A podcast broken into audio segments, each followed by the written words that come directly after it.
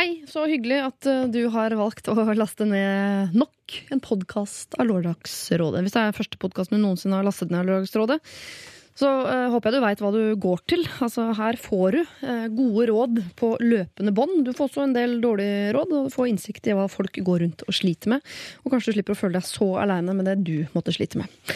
I dag, uh, denne utgaven, så er det en duo som har dukket opp. Det er Martin Beyer-Olsen og Lars Berrum. Charlotte Kvale er også rådgiver. Og vi er en uh, tur innom hva uh, man er redd for. Og det viser seg jo at Charlotte og Lars de er redd for ganske vanlige ting. De er redd for uh, å fly, og de er redd for fugler og sånne ting som jeg har bitt meg merke at folk er redd for. Martin derimot, han har noen eh, altså For det første har han en kjempestor sekk av fobier og angstfylt problematikk. eh, Og midt oppi der også en ekstrem eh, kjærlighet for krem. Men glem det, han har noen rare frykter som jeg ikke var klar over at fantes der ute på verken det norske eller det internasjonale markedet hva frykt angår. Så det er en ting å se opp for altså, i dagens Lørdagsråd. Det blir mye familieproblematikk. Det nærmer seg jul, det er helt tydelig. Så jeg sier det som han ofte sier, men som er så kleint. Len deg tilbake og kos deg. P3. Dette er Lørdagsrådet med Siri Kristiansen. På P3. P3. God morgen, du hører på Lørdagsrådet, og klokken den er eh, åtte over ni. Eh, For ca. to små timer siden så kysset jeg min mann eh, lokføreren på munnen mens to barn sto og så på og sa æsj, bæsj! Og lite vet de om hva som skal skje i kveld. Nei men eh, det kan jo godt hende. Jeg skal på date i kveld sammen med eh, kjæresten min. Eh, dinner and a show, rett og slett. Og jeg må bare innrømme at jeg grugleder meg litt til det. Altså, ikke på samme måten som første gangen vi gikk på date. Den husker jeg fortsatt. Jeg husker T-skjorta han hadde på seg. Jeg husker at han bestilte Farris fordi han tenkte han måtte kjøre bilen sin tilbake til Son. Men nei da, jeg bjuder på fra første øyeblikk og sa kjøp deg noen øl, i kveld skal du overnatte hos meg. Så det gikk fint. Jeg er en annen type nervøs eh, for daten i dag, egentlig, fordi jeg er så redd for at vi har blitt et sånn stusslig par, sånn som jeg stadig syns jeg observerer ute, hvor det sitter en eh, voksen mann og en voksen eh, kvinne og har ingenting å prate om, og du ser i øynene deres at det eneste de egentlig vil, er bare å dra hjem og se på film. Og eh, Det er veldig vanlig, selv om jeg vet at det fins også dere. Dere som har det sånn utrolig gøy sammen. Bare to stykker på byen. Et par kan gå ut og ha det gøy hele natta. Jeg har prøvd det, jeg og, og lokføreren. Vi prøvde det i Praha en gang. Vi ga opp, måtte dra på bowling. Halvt år senere prøvde vi det i Danmark. Vi ga opp, måtte dra på hotellet og se på Tour de France. Og det høres kanskje nitrist ut, men vi er et eh, par som deler hverdag, først og fremst. Og sånn har det alltid vært. Jeg foretrekker eh, hverdag. Vi har det bra i hverdagen, og det er flest av hverdagene, så jeg føler liksom på en eller annen måte at vi har vunnet allikevel i kjærligheten. Men det betyr ikke at jeg gruer meg noe mindre til i kveld, for jeg blir nervøs eh, på sånne kvelder. Og når jeg blir nervøs, ja, da har jeg standup. Så i kveld så blir det standup på thai-restaurant med én i publikum, og det er lokføreren. Da er det deilig å tenke på at jeg ikke er aleine om å ha ting i toppen som gnager bitte lite grann, så nå skal jeg snu fokuset ut på deg i noen få timer før jeg kryper tilbake inn i min egen eh, navle. Fram til klokka tolv så er det dine problemer altså det skal snakkes om, så send dem inn lralfakrøll nrk.no. Lørdagsrådet På P3. P3. Pompøst og vakkert av Muse som vanlig Starlight var det der. Og eh, jeg har fått eh, tre rådgivere ved min eh, side. Kan begynne på min venstre hånd. Lars Berrum. Ja. God morgen. God morgen. Du er trøttest i kurven i dag. Ja. Hva er din unnskyldning? Det er vel at jeg har vært tidlig i seng. Eller sent, da. Sent i seng. Ja. Ja, eh, fylla, Fifa, eh, klesvask. Eh, jeg vil vel si litt sånn standup, Ja. og så videre på konsert. eh, som endte i fyll. Ja, siste, siste jeg gjorde, var kanskje en pølse. En pølse. Ja. Hva slags type konsertfyr er du? Er det hiphop det går i? Nei, jeg kunne fort tro det. Ja. Eh, men det er ikke Jeg var egentlig med på en konsert med Upstroke og uh, Silver. Aldri hørt. På rock, Silver om. Rockefeller. Mm, sånn eh, punkband. Men jeg, det var kjæresten min som eh, Dette er nostalgi Ja. for henne. For hun er punker, ikke sant? Ja, tidligere, tidligere punker. Bra. God morgen, eh, Martin. Beyer. God morgen, kjære Norge. Nå er vi her sammen. I dag så blir det den beste dagen dere og vi skal Ja. skape sammen. Ja. Du er ikke så seint oppe i går, eller? Nei, jeg la meg ganske tidlig, men jeg fikk klemt ned noen høykvalitets eh, cocktails eh, på kvelden allikevel. Ja, som du jeg legger selv, liksom standard der, og så drar jeg hjem klokka tolv. Oh, ja. Mm. ja. Kult. Fordi jeg skulle være med her. Ja, det er proft. Det er proft. Ja. Charlotte Kvalle, du ser i hvert fall veldig eh, våken ut. Det er sminke. Ja. Så det er fake. Mm. Er du egentlig så trøtt som Lars, eller mer sånn på Martin? Mer som Martin. Ja. Hva gjorde du i går kveld? Jeg drakk ganske mye cava. Ja. Hjemme. Mm. Hjemme? Hjemme, rett og slett. Er det det, Det er nye et faresignal. Ja, Det er jo det. Men jeg var ikke aleine. Å nei, da er Det, det er bra. Men jeg vet at folk åpner en flaske vin ofte kanskje, og så koser seg litt, men cava, er det er det, det vi driver med nå? Er det så rart, syns dere det? De Jeg andre? det var Nei, rart. jeg- nei, for det blir mer og mer vanlig, det føler jeg også. Ja. At Ja. folk sier det at jeg eh, tok meg Det har blitt noe eget, da. Jeg Ja. føler at eh, cava har gått inn og, på lik linje som øl og vin Ja. og cava. Litt Og som øl. Men man må jo drikke hele flaska. Det er ikke så godt å ha korken til dagen etter. Nei, det er det. Så Det vi blir gjerne ei til. Hva sier du? Det gjelder vel vin òg? At man, Nei, nei. vin kan man korke til dagen etter. Fu, Ja, fusen går jo ikke ut av vinen. Fusen, ja. Det, da lærte jeg noe nytt så tidlig på morgenen. Det setter jeg kjempestor pris på.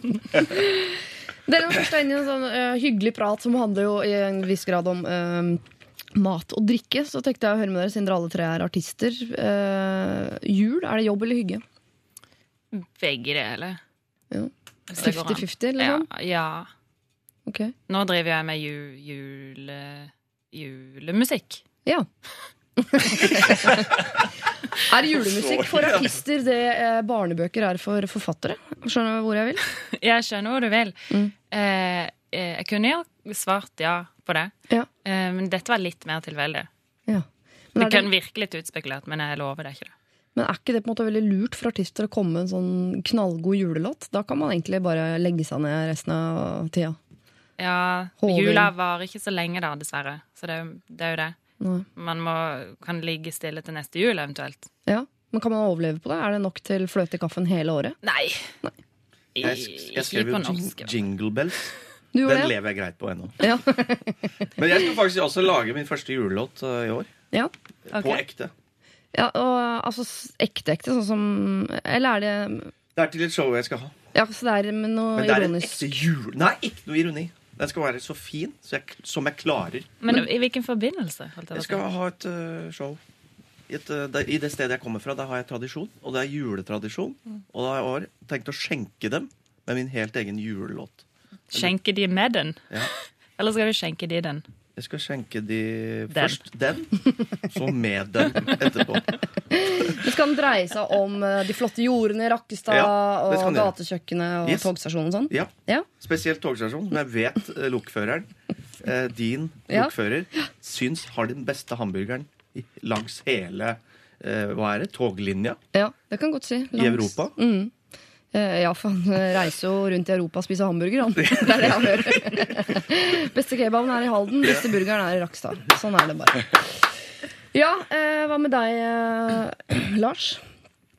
Jul? Er det jobb, eller er du hjemme og, tover og filter og holder på? Nei, jeg tover ikke og filter. Jeg vet ikke hva det er engang. for å være helt ærlig. Men jeg, jeg, jeg, hygger meg. Jeg har alltid lite jobb i jula. Alle andre som komiker og sånn har masse jobb. Men jeg har aldri, jeg har aldri hatt det presset. Er det fordi folk ikke forbinder deg med jul? Er du for røff liksom til at eh, Å nei, ja, jeg vet, kanskje det. Ellers så er jeg, jeg, jeg bare ikke ja, ja, men jeg, jeg har ikke noen som får meg jobb, eller så får jeg ikke Jeg vet ikke. Kanskje ikke noe Kanskje folk tenker sånn ja, Utrolig kul fyr, kanskje ikke jula, eller? Jeg tror kanskje det er noe sånn som er der ute. Men rundt uh, Jonsok, da har Lars fulgt opp med standup-jobber. Veldig Jonsok. Ja. Veldig, veldig Jonsok. Eh, Jeg pleier jo selvfølgelig eh, å spørre om sivil status, og det gjør jeg også eh, i dag. Jeg vet jo at det går bra for alle tre, men ta en runde på det for våre nye lyttere. Hvor er dere i livet, liksom? Begynn du, Lars. Og jeg, jeg er på med, i fast forhold. Ja. Kjæreste. ja. En kvinne. Det var en kvinne. Ja, Ja. I, ja. deler dere leilighet? Ja, vi deler leilighet. Ja. Eier en leilighet sammen. Ja. Mm. Og det er Så det, det går strålende. Strålende. Ja. Ikke noen nye planer? Uh, nei, Nei? jeg føler ikke at det uh, Vi har eh, det er, det er liksom Vi har bytta ut noe i leiligheten. Det er det eneste vi har gjort. Interi altså Ja, interiør. Stor, nei, nei, ja, noe sånn bord og sånn, for vi hadde en veldig sånn Ikea Det ligna Det føltes som å komme inn i en sånn eh, Ikea Katalog. Ja. Ja. Så Men du, det er en ny fase i livet når man bytter ut Ikea med noe mer sånn ordentlig. Å ja, det, det har vi ikke gjort. Nei, Jeg har fått inn noe be betong og noe plankegreier. Men det er, så det er ikke sånn at vi har oppjustert så veldig. Men jeg har bare fått bort det sånn at det ikke ser ut som en katalog. Altså, det, Jeg vet ikke om det er penere hjemme hos oss, men det, du har i hvert fall ikke sett det før. Eh, beto- hvis du har fått inn noe betong og noe driv ved, så har jeg sett det før i samtlige interiørmagasiner de siste tre årene. ja, men ikke, eh, Nei, for det er ikke sånn. nei, Nei. Det Alt. og ingenting overgår din stubbe, sier Kristiansen. stubben min, ja. Ja. Den skal du ikke kimse av. Den var uh, Altså, den var veldig uh, Hva skal jeg si? Jeg, jeg var forut i min tid, jeg, når jeg kjøpte stubbe. No, så jævlig. Ja, fordi du snekrer jo ting og sånn. Du er sånn Ja, dame. Jeg, jeg har lagd stubber også. Du har kjøpt stubbe for mange, mange mange tusen kroner. Mm. En trestubbe som er malt hvit. Hva er bruker du den svart. til? Mm. Hæ? Hva bruker du den til? Nå bruker jeg den til å ha den ved siden av en puff. Ved siden av puffen? Sånn at man kan sette kaffekoppen på den, f.eks. Ja, okay. Mm, sånne type ting. Og så har jeg hatt det er sånn, eh, veldig, det er et eh, hull i den, så man kan putte ledning i hvis man vil ha en lampe der. Det er veldig en, en fin stubbe, men nå er det litt bakpå av stubber. Altså. Folk flest har stubber nå. Ja, men jeg syns det er koselig hele, hele veien. Ja. Sånn hyttefeeling. Ja, jo, ja, ja. Ja. Eh, hvordan er det med din sivile status, Martin? Øh, Den er øh, som vanlig sambo, kvinne, leilighet, eier. Samme Jaha. broderen. Ja, du eier med broderen, men det er dama som bor der. Ja. Ja, Så hun betaler for han, på en måte. Ja, hun må jo det. Ja. Det er sånn, Jeg kan ikke spandere Nei, leilighet jeg på damer som flyr rundt Nei. i Oslo. Men har dere katt? Åh, du, vi, ja, det, nei. vi- Svaret, korte svaret på det er nei. Det ønskes ekstremt hardt katt ja, for hvorfor lurer jeg på det? Fordi hun er kanskje den eh, Hun er ikke crazy cat lady, men hun er crazy cat lady. Ja. Eh, men det vi har kjøpt, som jeg har gått til innkjøp av, er et hundeleketøy som er en liten gris. Ja. Som er en slags eh, katteerstatning som funker veldig, veldig veldig bra. Som hun sitter og, Er det sånn som lager lyd? Som Ja, piper? ja, Den lager så nydelig lyd. Jeg tror jeg har noen videoer jeg kan, jeg Det kan er vise ikke så fram. rundt. farlig. Nei, jeg viser- Dette kan vi jo få ordna i løpet av sendingen. Jeg sier fra hvis behovet dukker opp. Jeg. Men så, det er sånn går det dager. Ja, ja. Og uh, Charlotte, åssen er det med dere? Det går bra. Ja, Jeg er fortsatt gift. ja. Og Og har har barn og hund. barn og hund. Hva heter hunden? Stella. Stella heter hunden, Ja. og barnet heter Julius. Gets. Ja, Julius var det. En prøver å eh, faktisk prøve med oss å få noen til å passe Stella litt, fordi vi har så fryktelig dårlig tid. Ja, hvordan hund er det? Det er mm, en blanding av åtte forskjellige Ja, raser. ta de to viktigste. Uh, ok, hva skal jeg si da? Italiensk mynde og cocker spaniel. Oi, nå fikk jeg noen rare dyr eh, Ja. på Hun er, hinna. Men... hun er veldig fin. Ja, Nydelig. jeg kan passe ned. Vakker. Kan du? Ja, ja, ja. Liker du hunder? Ja, ja, ja, ja. Er du sikker på det? Ja, ja, ja, ja. Jeg har lyst på hunden sjøl, men jeg får ikke overtalt uh, lokføreren. Fordi jeg har vært så dum å si jeg har veldig lyst på hund, men jeg gidder ikke å lufte den. og det står jeg for, men jeg mener at når man bor i skogen, skal han lufte bikkja kan lufte seg sjøl. Ja, man kan bare slippe den ut, ja. herregud, jeg er jo fra skogen, er de ikke det? De er jo ikke lagd på et menneskelaboratorium. Nei, det er jo ikke det. Ja, ja. Nei, Vi skal ikke ta den diskusjonen nå, det blir bare dårlig stemning. Jeg vil i hvert fall ha hund, og det nærmer seg jul. Jeg bare nevner det. Eh, vi skal eh, konsentrere oss om andres problemer eh, i dag. Eh, vi skal rett inn i noe kjenslikt nå eh, om bare noen få minutter. Men først så får vi Echo Smith. Dette her er Cool Kids. P3 Dette er Lørdagsrådet på P3. P3 Echo Smith var det der med Cool Kids, og du hører på Lørdagsrådet, hvor jeg sitter sammen med uh, Charlotte Kvale, uh, Martin Beyer-Olsen og Lars Berrum. Pleier å si Berrum og Beyer, ikke sant? I den rekkefølgen. Ja. Ja, sånn har det blitt. Dere har blitt et slags sånn duo-merkevare-greie. Ja, ja, i hvert fall det. Mm. Så får vi, vi, er ikke, vi er ikke oppe på by og rønning ennå, men vi, vi er på vei. Nei? Mm. Ja. Det er jo alles drøm, selvfølgelig, å bli den neste Spy og Stønning. Ja. Ja. Vi skal ta et problem her i Lørdagsrådet. Jeg leser fra toppen. Kjære Siri og rådgiverne, står det her. I fjor høst dro jeg på utveksling, andre klasse videregående. På dette tidspunktet hadde jeg én kjæreste. Det er ikke meningen å legge vekt på én, for det kommer ikke flere. Unnskyld. På, denne, på dette tidspunktet hadde jeg en kjæreste. Vi hadde vært sammen i to år da jeg dro, og han støttet meg under hele søknadsprosessen. Men ca. en uke før jeg skulle dra for å være borte da i ti måneder, så sa han at han ønsket en pause mens jeg var borte, sånn at han kunne prøve andre ting, for så å bli sammen igjen når jeg kom tilbake da. Jeg ble helt knust og sa det var helt uaktuelt. Enten så er vi sammen, eller så er vi det ikke. Vi ble enige om å prøve, da. Det gikk ganske bra. Jeg dro i august 2013, og i januar-februar allerede begynte det å bli vanskelig. Jeg kjente at jeg hadde mistet følelsene mine for kjæresten, og vi bestemte oss for å møtes en uke i New York etter påskeferien. Dette var kjempekoselig, men når jeg kom tilbake til studiestedet mitt i USA, føltes det like tomt. I mai bestemte jeg meg for å fortelle kjæresten min om det. Jeg hadde rett og slett ikke følelser lenger. Jeg tror jeg sa, øh, jeg tror jeg sa øh, til han før han øh, dro, at eh, grunnen til dette var det han hadde sagt til meg. Altså dere husker dette med at han ville prøve andre ting og videre. Men selvfølgelig er også avstanden eh, til Norge vanskelig. Så vi gjorde det slutt i mai, eller jeg, da. Da jeg kommer hjem, møter jeg en gutt som har begynt å røyke hasj og snuse. Dette var ting vi har snakket en god del sammen som par, og vi var enige om at dette var noe vi ønsket å ha avstand til. Eh, Det er mange i vårt ungdomsmiljø i dag som røyker. Han kommer eh, heller nesten ikke på skolen lenger. Da mener jeg toppen et par dager i uka. Og før jeg dro, hadde han høye ambisjoner om studier etter videregående. Jeg sender han ikke hjem. Jeg vet ikke at jeg ikke har noe jeg skulle ha sagt, men etter nesten tre år med denne gutten er jeg fortsatt utrolig glad i han. Jeg bryr meg. Jeg syns det er trist at han har rota det til siste året på videregående.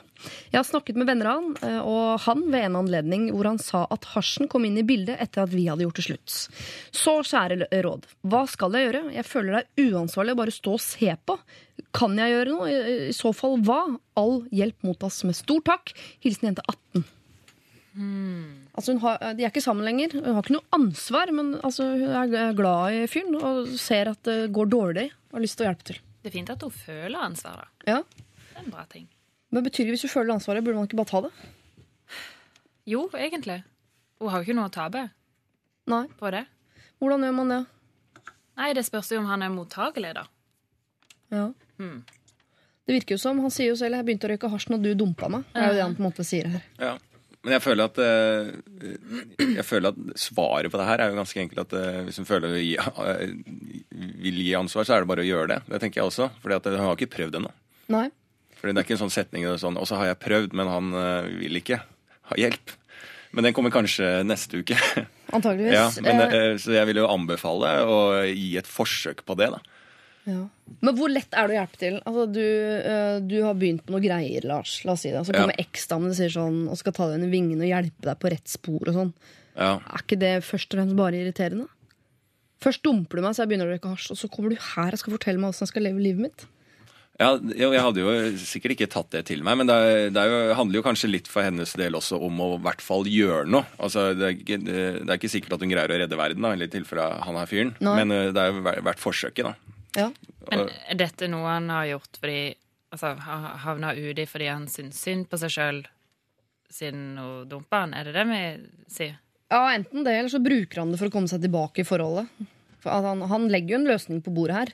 Hasjen kom inn i bildet, da du gikk ut av bildet. Så Ja. altså, etter kommaet der, så ligger det jo så Hvis du kommer tilbake, så er det klart at hasjen forsvinner. Men da har han bare lett etter en grunn. Ja. Altså, det er ikke, sånn, det, er ikke det første fyret er feit enn når det blir slutt for første gang. Nei. Nei, Det høres ut som en veldig rar grense å gå over. Sånn, Ja. Er det en hevn da, på henne, eller hva? Det er jo veldig spesielt, for det går jo bare utover han. Ja. Men jeg kan skjønne hvis de har vært sånn par som har lest lekser sammen og vært flinke på skolen og sagt nei til hasj og ikke mobb kameraten min. Og liksom vært sånn skikkelig At han da, når det blir slutt, så har han lyst til å bare røske opp med rota. At det er litt sånn ungdomsopprør. Bare at istedenfor at det går mot foreldre, så går det mot eh, dama. Eller eksen. Men jeg syns hun kan gjøre et forsøk, jeg. Ja. Hva enn hun vil legge i det. Hun kan jo i hvert fall Har, har hun sagt til han at hun syns det er eh, uholdbart? ja, hun har snakket med han ved en anledning. Ja. Men det virker jo som han er litt, eh, som du sier, sier, at han er litt bitter, og så legger litt den der opp at nei, det starta jeg med rett etter det ble slutt med deg. Så Ja. det virker jo ut- det virker som en vanskelig, vanskelig greie, det her. Men hvis det er hun som har vært triggeren til dette, så kan det jo være det er hun som er løsningen òg, da. Ja. Enten så blir det bare provoserende, at da gjør han det mer. Eller så kan det være at det er det som er løsningen. At hun på en måte viser han veien tilbake. Det er den veien de gikk på, aktig, sammen. Ja, Men hun kan ikke gå inn i det. Altså, man, er- de er jo nokså voksne, og så skal hun eh, på videregående begynne å involvere seg i sånn redningsprosjekt på eh, en fyr som på frivillig basis eh, begynner å fyre opp litt og ta seg en prell, liksom. Du kan ikke begynne å styre livet ditt etter dette her, og så skal det påvirke henne i hverdagen fordi at han liksom, skal øh, blame hun for å gjøre det slutt. Altså, så skal hun begynne i det sirkuset der, da. Og så kanskje hun er fra et litt sånn distrikt, distriktssted. Jeg vet ikke. Og så, ja, så blir det bare veldig trist, og så blir hun værende der med han for å hjelpe, så kommer hun seg ikke ut i livet. Og så du er bekymret for henne hvis hun involverer seg i dette. Så Ja, om det- noen uker så har vi to stykker som plutselig går ned den uh, samme stien uh, uten å gå på skolen og heller røyke hasj. Ja, jeg tenker, men jeg tenker tipset mitt er jo at uh, hjelp og prøv litt. Ja. og gjør det litt Men gi opp for- fort. Li, ja, men nei, bare ikke gi opp fort, men ikke involvere seg for mye. Ikke bli med på den riden at ok, hvis han sånn Ja, jeg prøver nå hvis vi kan være litt sammen, og du er her rundt, og sånn, og så greier han det, og så sprekker han, og så føler hun å, da har jeg ikke vært her nok til stede, og så er hun med på den ballen der som begynner å rulle. Da er du fucked, liksom. Så da må du bare holde deg unna, men hjelpe til litt for sin egen del. For hun føler, øh, føler veldig mye for han fyren her, og vil for sin egen del også ha vært der og, og, og i hvert fall øh, øh, foreslått sin hjelp. Så hjelp til så lenge du har overskudd til hjelp til, men med en gang du, det legger seg på skuldra dine, så må du ut. Ja, kontroll på din egen hjelp. Ja, altså hvis, Ikke- hvis hun merker at det ikke hjelper, da. Ja. Det merker hun fort Ja. hvilken vei det går. Så kan hun jo ta et valg derfra. Men hjelpe, hjelper, da, nå er vi inne på at hun skal snakke med han. Ikke sant? Mm. Er det lov å eh, Kan hun gå til foreldrene hans, tenker du, Martin? Eh, vi kan begynne med at hun snakker med han. Ja. Jeg syns bare sånn på en prøve å komme på level. At de bare tar en At hun OK, hva er det du driver med? For det virker jo ikke som han er langt nede i noe kjør her. Altså sånn det, Han har ikke fått syreknekken Han har ikke fått syreknekken eh, ennå, og det er liksom sånn OK Det, er, det virker jo også som han har havna kanskje i et litt dårlig miljø, da. Eh, med- eller dårlig og dårlig. Altså, folk røyker jo hasj om dagen. Ikke det jeg sier? Men, altså, sånn, det, men bare sånn OK, er det dette du vil? Er det denne veien du skal ned? Ja. Og bare ta den planen, for det virker som han er en ganske oppegående fyr også. Men så trenger hun vel ikke å ta alt på seg heller, selv om hun nå eh, tenker at etter at det er slutt mellom oss, så begynner det å gå dårlig. Det er ganske mange som siste året på videregående bare Vet du hva, nå gidder ikke jeg mer. Selv om det er dårlig timing, for det er bare ett år igjen. Men det er veldig mange som ikke har den staminaen. Orker ikke de tre åra på videregående. Men hun skal jo ikke gjøre det fordi hun har dårlig samvittighet. Nei. For hun har ikke noe å ha dårlig samvittighet for, tenker jeg. Hun skal jo, hvis hun involverer seg, så skal det jo bare være fordi hun føler et slags ansvar som man gjør fordi man bryr seg om. Ja. Ikke fordi hun har gjort noe galt og liksom skal bøte for det. Ja, for Det er også viktig at det er nok sannsynligvis ikke handler ikke bare om at hun har vært borte og han har blitt supertrist og begynt med det. Man forandrer jo seg en del på videregående. Ja. Tar en del step i, i forskjellige retninger der. Ja. Med, som du bonder med når du starter, og så, så er du på En er i black metal, og den andre er på boyband når du går ut. Ja, ja, ja. For å si det veldig enkelt. så, at henger, så at alle henger med, liksom. Men han virker jo som en ryddig gutt i bånn her, så jeg tipper at det ordner seg uansett. Men jeg syns det er veldig fint av deg, eh, jente 18, eh, at du har lyst til å involvere deg. Men, eh, og det syns vi du skal. Hvis du føler et visst ansvar, så er det fint, men ikke føl noe skyldfølelse. Snakk med han om det, men med en gang du merker at det begynner å legge seg over på dine skuldre, at det blir et prosjekt for deg som tar fokuset ditt bort fra andre ting, ja, så er det lov å trekke seg ut. For det handler faktisk egentlig ikke om deg, dette her. Det er et valg eh, han har tatt. Eh, Så du kan involvere deg litt, er vel løsningen her. Men ikke så veldig mye, syns vi. Dette er Lørdagsrådet På P3. P3. Moby var det med sin Natural eh, Blues. eh, og vi har eh, alle sammen prøvd å finne ut, som vi har gjort i over sikkert 15 år nå, prøvd å finne ut hva Moby synger. Det er jo et av verdens store mysterier. Det er det, og hvor ble det av Atlantis? Altså, hva, hva synger Moby? Det finnes ikke, Som oftest man lurer på hva folk synger, så finner man det på nett. Jeg tror det er, jeg tror det er dame som synger. Det jeg. som en dame. Ja, For Moby synger ikke sjøl, han. Nei. Nei, han bare plukker opp folk som synger. Nei, ja, Dette kommer som et øh, sjokk for meg. Nei, Moby er for opptatt med å tenne røkelse og sitte i Lotus. Han. Så Ja. det, det har ikke han tid Det er jo ikke en damestemme, det der. Nei, det er jeg litt enig i. Da er det en, en litt Ja. sånn 70 år gammel eh, dame fra New Orleans-aktig. Ja, Absolutt. Ja, kanskje. Det vil jeg si. Jeg tror jeg synger om en eller annen Larry. Jeg tror det er eh, Gud. Ja, kanskje jeg kaller ham for Oh, Lord. Lord. ja. Ja. Oh, lord. Ja. Oh, Lord. Kanskje det er det der heavy metal-bandet Lord. Oh, lo- oh lordy. Oh lordy. Når kommer du tilbake? Håper aldri de kommer tilbake. Ja, ok. Eh, Gåten, enigmaen, fortsetter inn i det neste år. Vi skal ta eh, et eh, noe eh, mindre betent problem her nå i Lørdagsrådet. Dette handler så til de grader ikke om særlighet. Jeg vil nok ikke si at dette er et stort problem, men det er en problemstilling jeg har tenkt over de siste ukene. Jeg har begynt å trene på treningssenter igjen, nå på SIO, altså treningssenteret for studenter i Oslo. Tidligere har jeg sjelden dusja håret på treningssenter, men det gjør jeg nå. Håret som havner i sluket, skal man plukke opp det selv, eller har man renholdere til å gjøre sånt? På en måte er det jo vanlig å rydde opp etter seg, jeg gjør jo alltid det hjemme i dusjen, men ekkelhetsgraden stiger betraktelig når vi er på treningssenter og det kanskje ligger andre gamle hår der. Hva mener dere eh, eh, man bør gjøre her? Skal man rydde etter seg? Nei. Nei. Ikke ta fingrene nedi der, tenker jeg. Nei, men Det er jo mange måter å gjøre det på, tenker jeg. Det er jo bare å ta en papir, og så klype opp håret og så kaste. Så har du ikke vært borti noen ting. Men det er kjønns og alt mulig oppi der. Vi trener sammen. Vi dusjer sammen. Ja. Samtlige ganger vi dusjer, og kommer i hvert fall én fyr inn og vasker de dusjene mens vi står og dusjer hver eneste gang. Oi.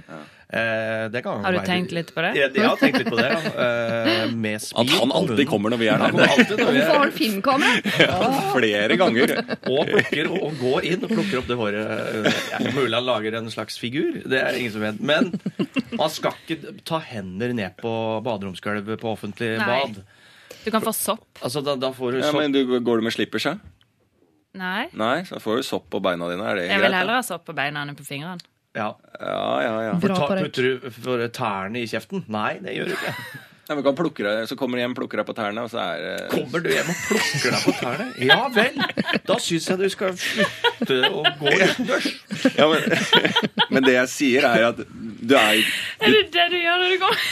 Nei, men Av kan med jo skoene, av med sokkene. Å ja, men jeg føler at nå- holder dere igjen på Jeg åpner litt opp her. Men det er, for jeg, jeg tror alle kan være enig rundt det bordet at man kan finne på å sitte og se på TV og plukke litt på tærne. Altså, det er jo ikke noe sånn der Eller slår jeg nå Er det bare Og han er helt sjuk i huet? Nei, nei.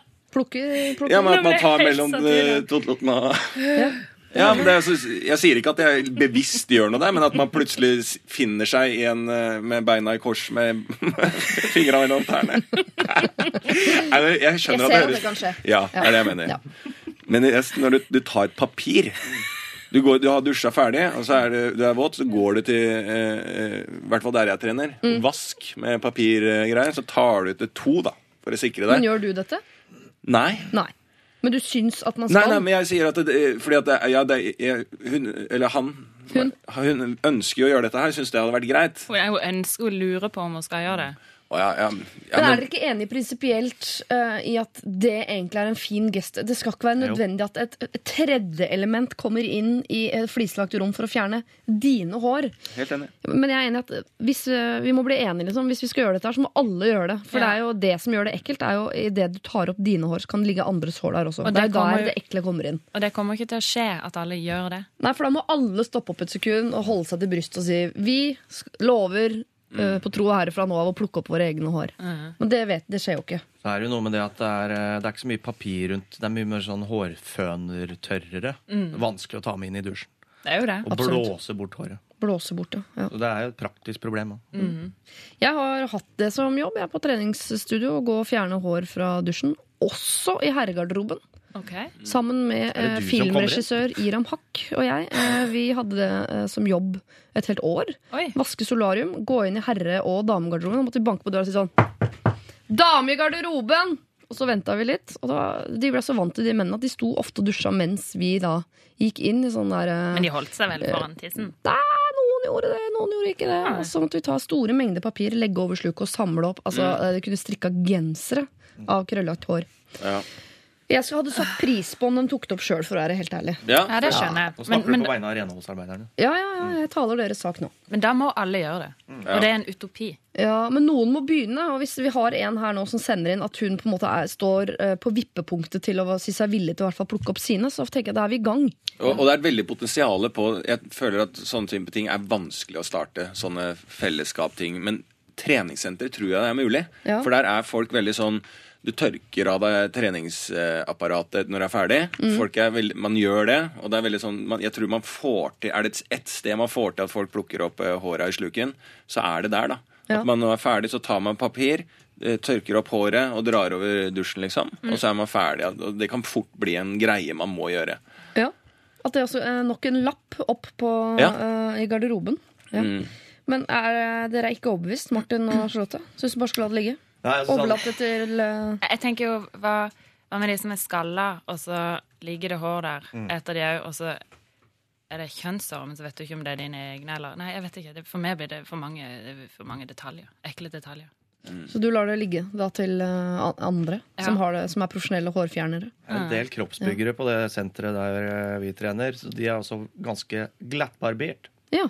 nedentil. Sånne ting. Så de vil ikke bidra til det. De står og flekser i dusjen med de shiny, shiny, shiny Altså lille Fordi de ikke mister hår og ikke må fjerne hår, så Ja. skal ikke du heller fjerne dine hår som du har mista? Er, det, er det det som er Jeg er helt enig med Charlotte. Altså Enten alle eller ingen. Er Men hvorfor- Så er de uten hår de må også fjerne fiktive hår for at alle skal ha den samme bevegelsen? Da er det, Ta skattesystemet, da. Du må bidra, liksom. Uansett, da. Ok, så alle, alle tar en liten sveip over gulvet før de går ut. Ja, hvis det skal være sånn, så må alle gjøre det. Ja.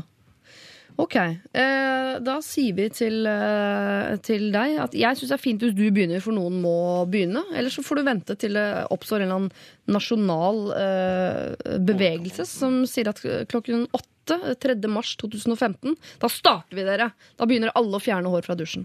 Det kan du velge å vente på, eller så kan du være eh, første fisken i dammen som rett og slett eh, gjør det først, og så se om noen følger etter. Hvis du har et problem, så send det inn til oss. Eh, vår adresse er lralfakrøll.nrk.no. Dette er Lørdagsrådet På P3. P3. Tove Lo synger jo om dette vi har snakket om tidligere i dag, Not on Drugs. Eh, Jeg mener dette problemet vi startet med i dag, om en eh, jente som har vært borte fra kjæresten sin et år. Det er ikke sammen lenger. Hun kommer tilbake fra et år i utlandet. Han har begynt å røyke hasj. Har hun noe ansvar? Eh, Nei, du har ikke noe ansvar, men det er fint at du føler på det, og du kan gjerne ta det lite grann. Når vi først snakker om eh, problemer som har vært, så skal jeg spole enda lenger tilbake i tid. For fordi, eh, for fordi noen uker siden så hadde vi et eh, problem fra en eh, jente som eh, i utgangspunktet hadde en hyggelig nyhet. Hun skulle være forlover for en av sine barndomsvenninner sommeren 2016. Problemet er at eh, hennes uh, samboer ikke er, eller kommer til å bli invitert. Og grunnen til det er at brura har et litt dårlig inntrykk av typen hennes. De har møtt hverandre én gang på fest, og da ble han veldig full, så hennes første inntrykk, første og eneste inntrykk av denne gutten er dårlig. Og selv om det er samboeren til forloveren, så ønsker hun ikke at han skal være i bryllupet. Eh, Alle som var her i Lørdagsrådet den dagen, syntes at det var eh, nokså usmakelig. Og han mente vel ganske tydelig rett og slett at man skal avslutte det hele. Blant annet. Dere kan jo høre selv. Dette er noe av det eh, Stian Staysman, Leo Ajkic og Gunnar Greve mente om problemet. Jeg syns det minner om en episode av hva heter det, Bruder fra helvete. eller sånn. Nei, det her er min dag, alt skal være perfekt. Jeg kan ikke se noen jeg ikke liker trynet til. Det skal være sånn og sånn. Det skjer 16. juni om ett år og syv måneder. Det blir Jeg, jeg ser en person som prøver å få for mye kontroll ut ifra hvordan hun beskriver henne, Og da Come on. Come on. Alle som har giftet seg, vet at det å gifte seg, det er faktisk ikke sånn at det bare handler om å være, ha den perfekte dagen. Jeg, jeg følger litt deg på det du sier, Leo. Det lukter litt sånn kontrollfri.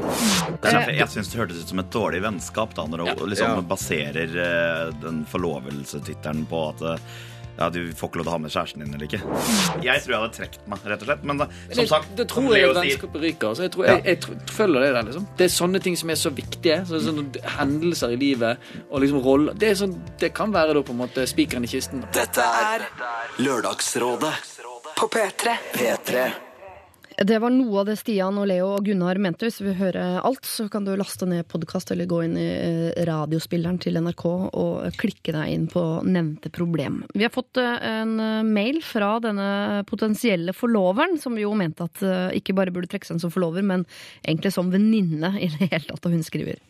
Utrolig gøy å høre dere snakke om mitt problem. Jeg er enig i mye av det dere sa, og rådene dere ga meg, så tusen takk for hjelpen. Det komiske med dette problemet er at alt har løst seg. Venninnen min og hennes forlovede skal ikke gifte seg. Det ble slutt noen dager etter etter at jeg sendte inn problemet. Litt trist for noen, kanskje, men digg for meg! skriver hun. Og tenker jeg, Det der er eh, klassisk skadefryd, og det kan jeg kjenne meg igjen i. Og jeg, jeg, forstår hvor det kommer fra. Og så er det litt deilig å tenke sånn Ok, du dømmer min kjæreste på førsteinntrykket, men du er villig til å gifte deg med en fyr som det skjærer seg med rett etterpå. Hvem har dårligst dømmekraft her, og hvem er det som fortsatt har den samme kjæresten? Vet du hva, du har kanskje mista en uh, venninne, men uh, jeg vil si i det store bildet så var det du som vant. Send inn problemer til oss i Lørdagsrådet i dag med Charlotte Kvale, Lars Berrum og Martin Beyer-Olsen. Vår adresse er lralfakrøll.nrk.no. Her får du The Black Keys. Dette er Lonely Boy. Dette er Lørdagsrådet På P3. P3.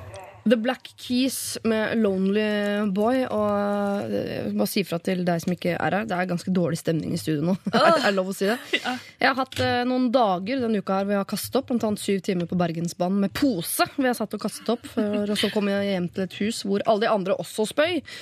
Eh, Så jeg er litt lei av spying, og når jeg da nå bestemmer meg for å spise en kald havregrøt fra produktet 14, og det viser seg å være kald oppkast uh, i boks, så må jeg innrømme at det, er, det blir for mye for meg for innafor den Jeg samme prøvde å advare deg. Jeg prøvde å advare deg. Det der er ikke godt. Martin, du sa at det var godt. Jeg syns det er veldig godt. Ja, men du, kjenn. Da er den der dårlig.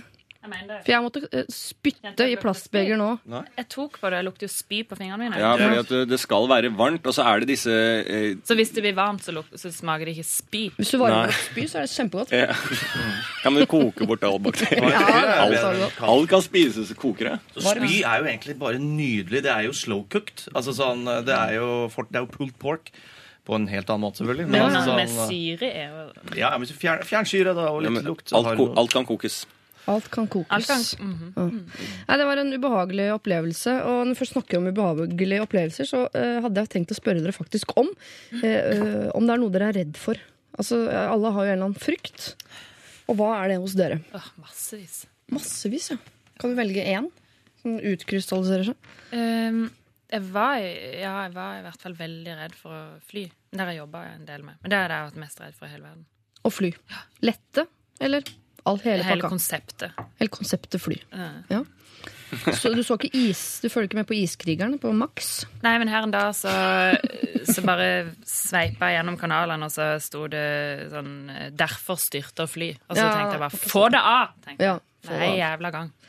Det var så søtt å se en av eh, ishockeyspillerne til Vålerenga som var sånn badass eh, fyr på isen, som eh, opp i fly, og så var han redd som en pusekatt under vann. Det er det vakreste jeg har sett på TV på mange dager. Hva er du redd for, Martin? Ja, million ting, selvfølgelig. Men, er ikke du sånn fryktfyr? Jo da. Angstball? Knær. Nei, men hold opp, da. Det blir Fally McBeal for meg. Ja, Er du redd for knær? Seks tær. Du er redd for seks tær? Folk med seks tær? Ja, man liksom søker etter det, og så er man redd for å finne det. Jeg fant det jo eh, en gang. Er det ikke en ganske kjent skuespillerinne? Vakker, øh, nøttebrun eh, dame som har seks tær. Hjelp meg. Det, Nei, Altså Eva ikke Mendes. Halle Berry, Eva Mendes. altså- Mendes. Eva Mendes-aktig eller noe sånt? Ja. Har ikke hun seks tær? Hun har tre da er jeg redd for Eva Mendes. Så du vil ikke ha ligget med Eva Mendes? Hun er yndlingsdama mi, liksom. Ja. Eller sånn har jeg alltid hatt hun som sånn Du vil jo det. Man vil jo det. ja. Men du er vel mer åpen for lyter enn folk flest i og med at du har jobbet på sykehjem og den slags? Jeg? Ja, ja. Du er Ja. ikke- Men du er ikke så redd for sånn hår i dusjen og pelsa mellom tæra? Du bare virker litt mer sånn Ja, ja. robust, da. For å si det. sånn. Ja, jeg, men jeg har sikkert mer naturlig forhold til det, i hvert fall enn Martin. Ja. Men jeg, jeg er redd for ting, jeg òg.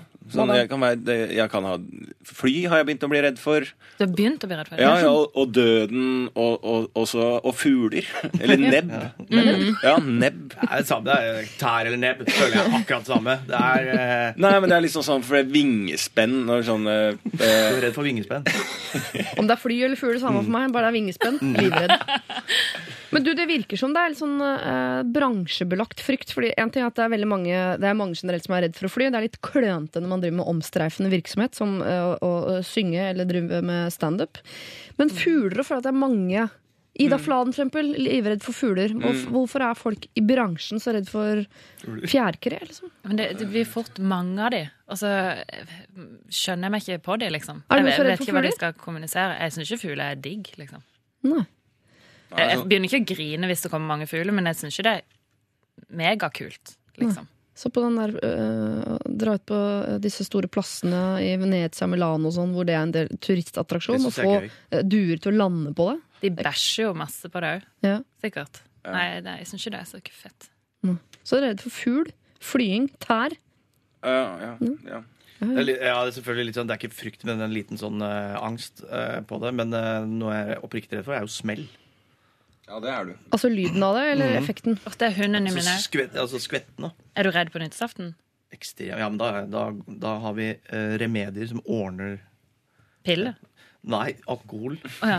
Alkohol og ørepropper eh, på slag midnatt. Da har du det jævla gøy ute. må Charlotte, er bare slått ut på piller. Ja, ja. Så du tar masse piller på det. Ja, ja, ja.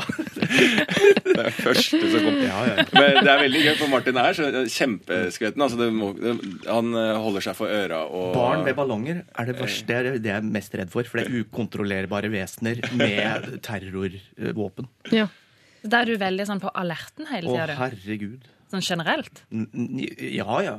Du er en nevrotisk type, liksom? Ja, ikke, ikke, ikke Woody Allen, liksom, men eh, helt Er du hypokonder òg? Nei. Men hvis, hvis du ikke tenker på kreft, selvfølgelig. Ja. Okay. Men øh, du er jo litt sånn øh, søkende i form av at du bruker mye sånn kremer og så du er litt sånn Bruker mye kremer, ja. Ja. Men eh, hva det Jo, har men du med frykt å gjøre? Jeg søker det. Bruker mye kremer. Jo, men du er litt Ja, sånn ja, det er jentete i, i måten å være litt sånn øh, øh, Ja, God kontakt med min feminine side. Jeg har Ja. ikke noe problem med å si det. Da Hva slags type krem? Beklager, men oh, ja, type kremer. Gode hudkremer. Eh, Gode såper. Veldig, si, du har veldig fin og ser ut som du har veldig myk hud. En nydelig hud, for jeg bruker gode kremer. Ja, for du har ikke alltid hatt det. Nei. Nei, det er ganske, det er, Nei, du har vært gjennom en søknadsprosess der på kremfronten. Ja, ja, ja. Ja. Så det, og jeg er hele stadig utvikling på krem. Jeg kan krem. Hvis noen Mm. trenger råd om krem, så kan du spørre meg. Og håndsåpe. Bruk kvalitetshåndsåpe. Jeg Ja. bruker eh, mange mange hundre kroner på god, god, god håndsåpe. Økologisk. Om- Kortreist? Om, nei, den er, jeg kjøper den kun i London og Paris. Sånn har det blitt. Jeg er ikke Sånn noe Woody Allen, men jeg kjøper såpa mi kun i London og Paris. Så, okay. Så snobbete er vi på Ja. akkurat på kremnivå. ja, ja, Men knær er du redd for. Krem og knær. Krem og Det er en butikk som jeg skal starte 25. Krem og knær. Ok, Vi skal straks hjelpe en som er redd for noe som er langt farligere enn tær, fugler og knær, nemlig eh, gamle folk i trafikken. Og hva gjør du da når en av dem er i din innerste familie? Eh, Det skal vi løse rett etter Gabriel, Gabriel Rias. Dette her er Gold i Lørdagsrådet. P3. Dette er Lørdagsrådet med Siri Kristiansen. Gabriel Rios Gold eh, var det vi fikk der i Lørdagsrådet. Klokka er blitt eh, 13 over 10, og vi skal jo ut i trafikken. Det har vært så gøy hvis vi fikk trafikkmeldinger nå. Det var Skikkelig god P4-stemning. På E6 eh, kan vi vente for kø over Høvik. Rådgiver i dag er eh, Martin Beyer-Olsen, eh, Lars Berrum og Charlotte Kvale. Eh, og vi, skal, vi har snakket om deres frykter. Nå skal vi inn i en frykt som jo er egentlig ganske eh, altså, påtrengende, eller hva det heter. Dette er farlig hver eneste dag hele tiden. Hei, Lørdagsrådet. Jeg håper dere kan hjelpe meg eller sparke meg i ræva. Problemet jeg ønsker å ta opp i Det kloke lørdagsråd, begynte å komme til overflaten for omtrent fem år siden. Da flyttet besteforeldrene mine fra enebolig og inn i leilighet som skulle være enklere å vedlikeholde. Farfar hadde uttrykt i en tid at han ikke var komfortabel med å kjøre bil. Og etter at de flyttet, har han sluttet helt. Han kan gå til butikken, og det er kort vei til buss, som han gjerne tar. De bor svært sentralt og har tilgang på det meste. Min farmor, derimot, hun kjører fortsatt. Dessverre. Folk som har sittet på eh, med henne, meg selv inkludert, har rapportert om en følelse av at livet blir kraftig forkortet. Hun ser ikke ut til å klare å oppfatte trafikkbildet og er generelt for stressa til å være en trygg sjåfør. Hun får stadig klarsignal fra legen sin om at hun fortsatt får kjøre bil, men jeg kan med hånden på hjertet si at førerkortet hadde blitt klippet i to om legen hadde sittet i bilen hennes i ti minutter. Hvordan går jeg frem? Jeg ønsker, ikke, jeg ønsker at hun skal slutte å kjøre bil og heller ta buss. Jeg kjører dem mer enn gjerne om de trenger kyss en gang iblant. Og farfar har resigne, resignert da hun eh, er ganske sterk verbalt. Altså han har prøvd å si fra, eh, gir opp. Jeg har mange onkler og tanter, og de har også snakket om at hun er tvilsom bak rattet. Jeg syns de burde ta ansvar eh, for denne vanskelige situasjonen, men ingen vil såre henne. Jeg vet at dette er noe dritt, men begynner å lure på om det er jeg som må ta oppgaven selv. Det kan faktisk handle om liv eller død, bare fordi ingen vil skade selvfølelsen hennes. Men den er jo i alle fall mulig å gjenopplive, eller? Med vennlig hilsen fortvila barnebarn. PS. Jeg er jente, 26 år. Mine besteforeldre har passert 80, hvis det er relevant. Det er relevant. Ja.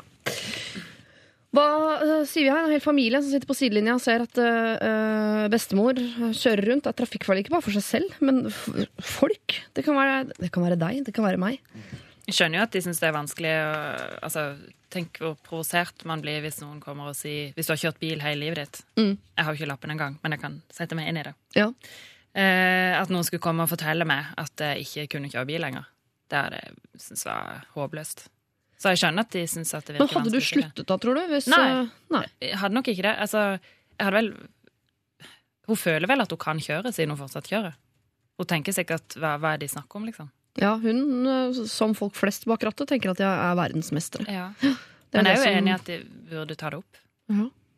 Går det an å, å øh, kaste en dukke foran bilen? Jeg tenkte på det å sette opp sånn hvis du har sånn der fotballhorn.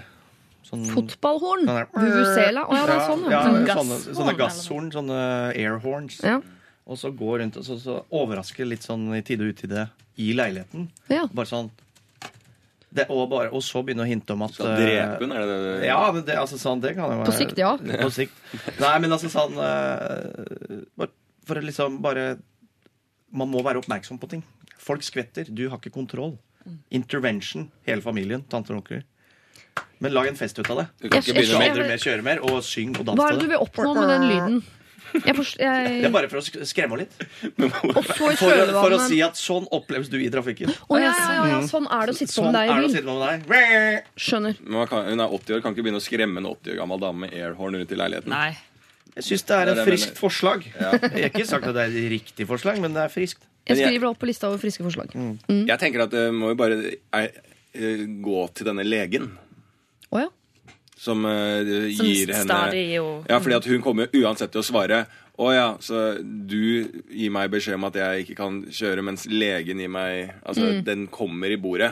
Le legekortet kommer til å bli brukt her. Ja. Så kan, jeg tror at uh, hun bør gå til legen og informere den legen om den reelle situasjonen. Og hva Fordi at er kan jo det virker jo nesten litt sånn på kanten straffbart i forhold til hva han legen som bare kaster ut eh, sertifikatet der. Så det kan hende at eh, hun, kan, eh, eh, hun på 26 her kan være litt hard med den legen og si Vet du hva du gir? Men kan man gjøre det? Er det lov? Ja, selvfølgelig er det lov. Du, Film neste gang du kjører bil med henne, og så gå til han legen og si 'dette er det du gir lappen til'. Det er Fordi veldig det er jo- umyndiggjøring, da. Det er jo ikke noe ja, men dama er over 80. Det må være lov å ta over ansvaret litt bitte grann. Men du er jo ikke men det er ikke umyndiggjøring, fordi selv om du legen- er over 80. Ja, men Legen tar jo det endelige valget. Altså Hvis legen er, mener helt fast bestemt at hun skal, så får hun jo lappen videre. Ja. Men for hvordan kan en lege sitte og si sånn Ja, du er en hyggelig dame, du har verken uh, Ja, men de må jo ta kols eller sånn. omgangssyke. Klart du skal få kjøre bil. Hvor, hva baserer han det på? Ja? Syn. Hørsel? Ja, ikke. reaksjonsevne og sånn. Jo, det er jo Når man er over en viss alder, så må man jo årlig, er det ikke det? Ja. Gjennom teste for å få beholde lappen. Ja, Burde jo kjøre opp annethvert år, syns jeg, når du har passert Mm. 76. Men jeg er jo veldig enig med det ut. eh, siste poenget der. At det er jo liksom sånn det er snakk om å, å, å, øh, å ta den selv, eh, eh, Selvfølelsen. Selvfølelsen hennes kontra et liv, da. Hvis vi skal sette det dit. Ja, ja, det så eh, angrer man vil jo den familien angre i, litt større grad hvis det skjer. Hvis hun, farmoren eller bestemoren, Mm. begynner å Kjører ned noe. kjøre sikksakk. Ja. Men de må jo slutte å sitte på meg nå, da. For jeg ville også tenkt hvis jeg var 80 år, så ville jeg sagt sånn Å ja, du satt på meg i går til Storosenteret. Da var det ikke så veldig farlig, tydeligvis. Ja. Så de må jo øh, Jeg hadde i hvert fall stoppa der. Jeg hadde ikke barnebarn. Får ikke lov å sitte på i den bilen. Det er helt uaktuelt. Jeg sitter ikke på. De, altså, ingen må sitte på i den bilen. Men det er fortsatt ikke greit, for hun kan fortsatt kjøre i hjel seg sjæl eller uh, tilfeldig forbipasserende. Så gå til legen, rett og slett. Ja. Synes, hvorfor, øh, hvorfor føles det som umyndiggjøring? Nei, da går man jo bak folks rygg. Men jeg er faktisk enig, eh, når jeg får tenkt meg om. Ja, for tanken er jo god her. Mm. Gjør det ikke for å være slem. Nei. Nei. Jeg tror det er veldig øh, altså, konkret øh, Og- råd. Og hun trenger jo ikke å få vite det i det hele tatt. Nei, legen trenger ikke å si noe. Nei, nei, nei. Nei. Uh, og jeg tenker også det Nå hadde jo han uh, mannen til bestemoren der, Mm. som blir da muligens en bestefar. Ja, Jeg- ja, jeg- jeg ja, ja, ja. Off, I mange tilfeller, ja. Ja, og- og da, Han har jo prøvd å ta opp det her, men jeg syns hele familien bør si Sånn at det ikke er noen som feil Det er litt med det uh, hår i dusjen-problematikken. Oh, ja. Eh, at vi alle må gjøre det. Ikke sant? Hvis det skal bli noe greier, så hele den familien må sette seg ned og si sånn eh, vi vet du har lappen, Mm. og sånn er det. Så det er ikke noe vi skal Vi skal ikke komme inn her og ta den fra deg, men nå kommer vi til å si vår mening. Så håper du hører på det. Ja. Ja, eh, eh, Gå til legen, og hvis, ikke det, hvis han fortsatt gir lappen, så må hele familien si fra. Enten samla eller én og én med at du, er, du beklager, mormor eller farmor, du har vært utrolig flink til å kjøre bil, men du er dessverre ikke det lenger. Jeg, jeg kjenner dette så på kroppen. Jeg har en mor. Jeg er ikke halvveis til 80. Jo, det er hun er halvveis til 80, men jeg er i hvert fall ikke 80. Hun er altså så dårlig. Men hun har alltid vært dårlig til å kjøre bil. Og så ler hun av meg når jeg sier det, for hun syns selv hun er så innmari flink. Og broderen syns også at mutter'n er flink til å kjøre bil, så jeg står alene oppi dette her som den ene i vår familie som er god til å kjøre bil. Og må kjempe kampen mot uh, mutter'n i trafikken. Hvilken type dårlig sjåfør er hun? Og når vi kjører fra Son, der jeg bor, inn til Oslo, så la meg si det sånn, vi er ikke innom femtegiret. Og det er et problem, syns jeg. Dette er Du gresk for kjøper meg. høyt, høyt, høyt Og så er turtall. jeg ikke opptatt av å bruke blinklys. Sånne type ting. Hun lager seg en egen, egne sett med regler i trafikken. Da. Eh, men jeg Akkurat skal- det skjønner jeg, men det med gir skjønner jeg skjønner ingenting. Skjønner ikke hva det er snakk om. Nei, Men det er en, en vesentlig del av uh, biler. Nei, altså, du har en kasse da, med gir. Nei, Eh, ikke begynn. ikke begynn. Ok, jeg får sende det inn om noen år når det blir virkelig uh, prekært, uh, dette her. Enn så lenge så får jeg si til deg, da, jente på 26, du må gå til legen hennes, rett og slett. Og funker ikke det, ja, så må du sette i sving hele familien, sånn at dere sammen kan si til farmor om at selvfølelsen hennes er vel og viktig, da, altså, men ikke så viktig som eh, hennes og andres liv. Lørdagsrådet med Siri Kristiansen. På P3. P3. Nytt fra Eva and the Heartmaker, det der. Told You heter eh, låta. Og før det Bastille med sin gode gamle eh, Pompeii. Eh, jeg tenkte vi rett og slett, fordi det virker som om det folk flest snakker om for tiden, i hvert fall i avisene, er den totale inkassogjelda til det norske folk. Den er jo på størrelse med forsvarsbudsjettet. Altså Det er helt vilt hvor mye penger folk har brukt som ikke de har i dette landet. Eh, Jeg vil at vi skal gi noen råd til folk om hvordan de skal holde en ryddig eh, økonomi, men for å kunne gi de rådene, så må jeg vite om dere har det sjøl. Altså om dere eh, kan gi disse rådene med god samvittighet, eller om dere er på en måte en av Om dere er et problem selv. Jeg kan ikke gi så mange råd. Er du ræva på det? Altså ikke på å gi råd, men økonomisk. Bruk, er, er det mer ut enn inn? Ja. Ja. Eh, mm. Men jeg har ikke inkassogjeld. Det har jeg ikke. Men hva er det du bruker disse, Hva er din liksom synde? Er det eh, ostepop, eller er det klær eller reiser? Nei, ehm, du vet at eh, jeg, jeg har jo en veldig ustabil inntekt. Plutselig så tjener jeg ingenting på to måneder, og så plutselig tjener jeg masse tre måneder seinere, liksom. Ja. Så da, da må jeg på en måte bruke penger jeg ikke har, på helt vanlige ting. Helt til jeg får de pengene. Så når jeg får penger, så må jeg egentlig bare dekke inn kredittkortet mitt igjen. Og sånn går nå dagen. Og sånn går dagen, ja. For å spare, det driver ikke du med. Uh, nei, prøve. Spare litt, veldig lite, men, men litt. Spare til sønnen min og sånn. Ja. Ikke så mye, men, eh, men litt. Lite grann. Ja. Eh, så du har ikke noen gode råd til norskfolk om hvordan man holder en ryddig økonomi? Nei. Holde seg unna artistbransjen, eller? Mm. Ja, få en mer sånn ni til fire-jobb? Ja, absolutt. Det vil jeg anbefale alle. ja. Eh, både Martin og Lars også er vel samme smørja her. Jo, men her sier det jo Martin og forteller at han flotter seg og bor på hotell i ei uke i New York og sånn, så jeg føler han er litt Og bedre drar enn til. Paris for å kjøpe såpe. Og... Men, Ja. eh, og da skal jeg si med en gang Ja, jeg kan gi masse gode råd om økonomi. For jeg har veldig god styring på Er ikke du utdanna noe økonomigreier. Jo, jo. Hæ? Markedsfører er utdanna. Ja. Internasjonal ledelse og sånt kan jeg masse. Og gått på BI. Ja, NMO en del av før. Eh, ah, tidlig B. Okay, okay, og en del ok, B. ok. Det der er så karakterbrudd. Ja, veldig. Men ja. Uh, jeg var god. Ja. Jeg er egentlig et markedsføringsgeni, men jeg bare utnytter ikke Du bruker det bare veldig privat. ja, Men han har Veldig, veldig, veldig, eh, han har veldig stålkontroll på sånn øk, ja. Økonomisk. Jeg Der styrer Lars Bærums økonomi også. ja. Ja. Ja, men, ja, det gjør du. Ja, ja. Gjør du had- det? Ja, det- ja, ja, det gjør jeg. Hadde ikke, vi gjør jo en del jobber sammen i inn- og utland. Had, og det hadde vi ikke gjort hadde det vært opp til Lars Berrum. Det går ikke an å booke en flybillett uten at du havner i Nord-Norge, hvor du skal være i, i Sverige. Liksom. Det går ikke. Det er også sånn, så, så jeg har jo konstant, kontinuerlig, 15 000 utestående hos Lars Berrum. Ja. Mm. En deilig buffer å ha da, til en dag det blir kaldt. Det er når du trenger mer såpe. Ja. Når jeg må ha såpe, men da, hvor ringer jeg da? Til han? Nei, det går ikke. Jeg må ringe mora hans. Krever penger. Det er jo en situasjon. Men det går altså eh, per i dag hundretusenvis av mennesker rundt som er livredd for å åpne eh, post med du vet, sånn, eh, Vindus. sånn vindusbrev eh, når det kommer i postkassa. Eh, de betaler ikke regningene sine. Kjøper ting selv om ikke har er penger og sånn. En løsning er selvfølgelig å melde seg på Luksusfellen. Det ser ut til å fungere for en del folk. Men for alle de andre, da, for det er jo toppen av et isfjell, de som havner der. Alle de andre, hva skal vi si til de? Det er, jo, det er jo samme gamle leksa om eh, forbrukersamfunnet. Man har jo blitt veldig godt vant. Alle skal ha flatskjerm. Ja. Eh, Men faresignalet når det gjelder Luksusfellen, om du er i faresonen for å måtte bli med der, det er tre ting. Det er har du svart skinnsofa, har du shabby chic eh, på, og sitater på veggene à la 'Live today', because tomorrow you never know, eh, og, og 60 tommer plasma, Ja. Da havner du på Da er du Luksusfellen. Da er du Luksusfellen-kandidat. Ja. Hvis du ser på Luksusfellen, samtlige kandidater har alle de tre. Ja, veldig fine hjem, syns jeg. Jeg skal starte Ja, men Det syns okay. jeg har lagt merke til på, på Luksusfellen. At det er alltid så ko hjemmeko... Eller så fint. Du har tenkt at det var et interiørprogram? Du har aldri skjønt at vi snakker så mye om penger?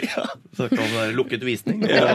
Nei, men Jeg, jeg syns det at jeg har veldig fine hjem. Og jeg har alltid tenkt det Sånn, Jeg snakka litt innledningsvis, vi, vi har bytta litt i vårt hjem. Ja. Jeg har sagt det til kjæresten min at eh, faen, se, når de, de, se hvor fint de har det. De Ja. sliter jo. Sånn, penger, nå har jeg nylig oppretta noe Mastercard-greier òg, Ja. så jeg er litt i den samme båsen. Ja. For jeg måtte en lørdag og trengte cash. Så jeg måtte opprette en Mastercard-konto og få overført det. For du måtte ha deg en ny skinnsofa? Nei, nei men, og da, men, så jeg, eh, eh, men jeg syns i hvert fall hjemmene Det er inspir inspirerende å se. At de får til det. da Ja. Jeg syns de har en fin touch. Altså, til tross for dårlig økonomi, så har de det innmari koselig hjemme. Ja. Hva er det du Ja. liker spesielt med det? Det er vel eh, Ja, men det er koselig. Jeg liker Jeg har alltid vært litt sånn eh, fan av litt jentehjem. da Jeg syns det ofte er en litt sånn jentetouch. er sånn Nei, men det kan Nei, henge et lite sånn eh, Sitat. Ja, sånn, eh, ja, et sitat, kanskje. Det er fint, det er hyggelig. Og et eh, teppe, da. Som brukes til veggpynt. Som er hekla eller vevd, eller hva det er. Sånn ja, men Det finner ikke jeg på sjøl, og det syns jeg er hyggelig. Det har Lurer jeg veldig på hvordan det ser ut hjemme hos han. Ja, men jeg er sammen med en bosner, og det, det ser du, Det er Øst-Europa. Det er eh, Du har et eh, flagg på veggen. Og og bål i stua, og flagg på veggen. Flagg på veggen og en madrass. Og så har vi betong, betongbord. betongbord. Eh, men jeg har et tips, da, til uh, Ja, det er skeptisk til, men bring it on. Ja, bare kort her. Ja. Men altså, uh, jeg tror at det ikke er så ille stilt. Det er VG som lager det her. Ja. Fordi alle har jo litt sånn småinkassoer gående. Ja. Små inkasso. Ja, men sånn at du har Poseinkasso, som du kaller det. ja, men, sånn, ja, men sånn at du At du blir Det er noen, det er noen regninger som ikke jeg ennå vet hvor jeg får beskjed at jeg skal betale. Sånn som eh, Jeg bruker sånn faktureringsgreie.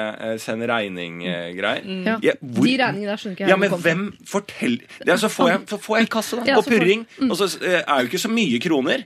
Men jeg, og jeg skulle gladelig betalt det. Men jeg, hvem forteller meg hvor jeg skal betale dette her? Er ikke det Martin som skal gjøre det? Jo, men det er ingen som forteller meg det, annet enn eh, Lin, Nor Noroff eller Lindoff. eh, Lin, Lindoff. ja, de der inkassoinstituttene. Ja, men de forteller meg. Og jeg skjønner ikke hvordan de kan ha så mye makt i å finne ut De er tydelige på greia si. De har oversikt over hva Ja, de driver og, med. og det er tydelig i beskjeden. Ja. Men det er ikke ja, Så det er jo sånne småting.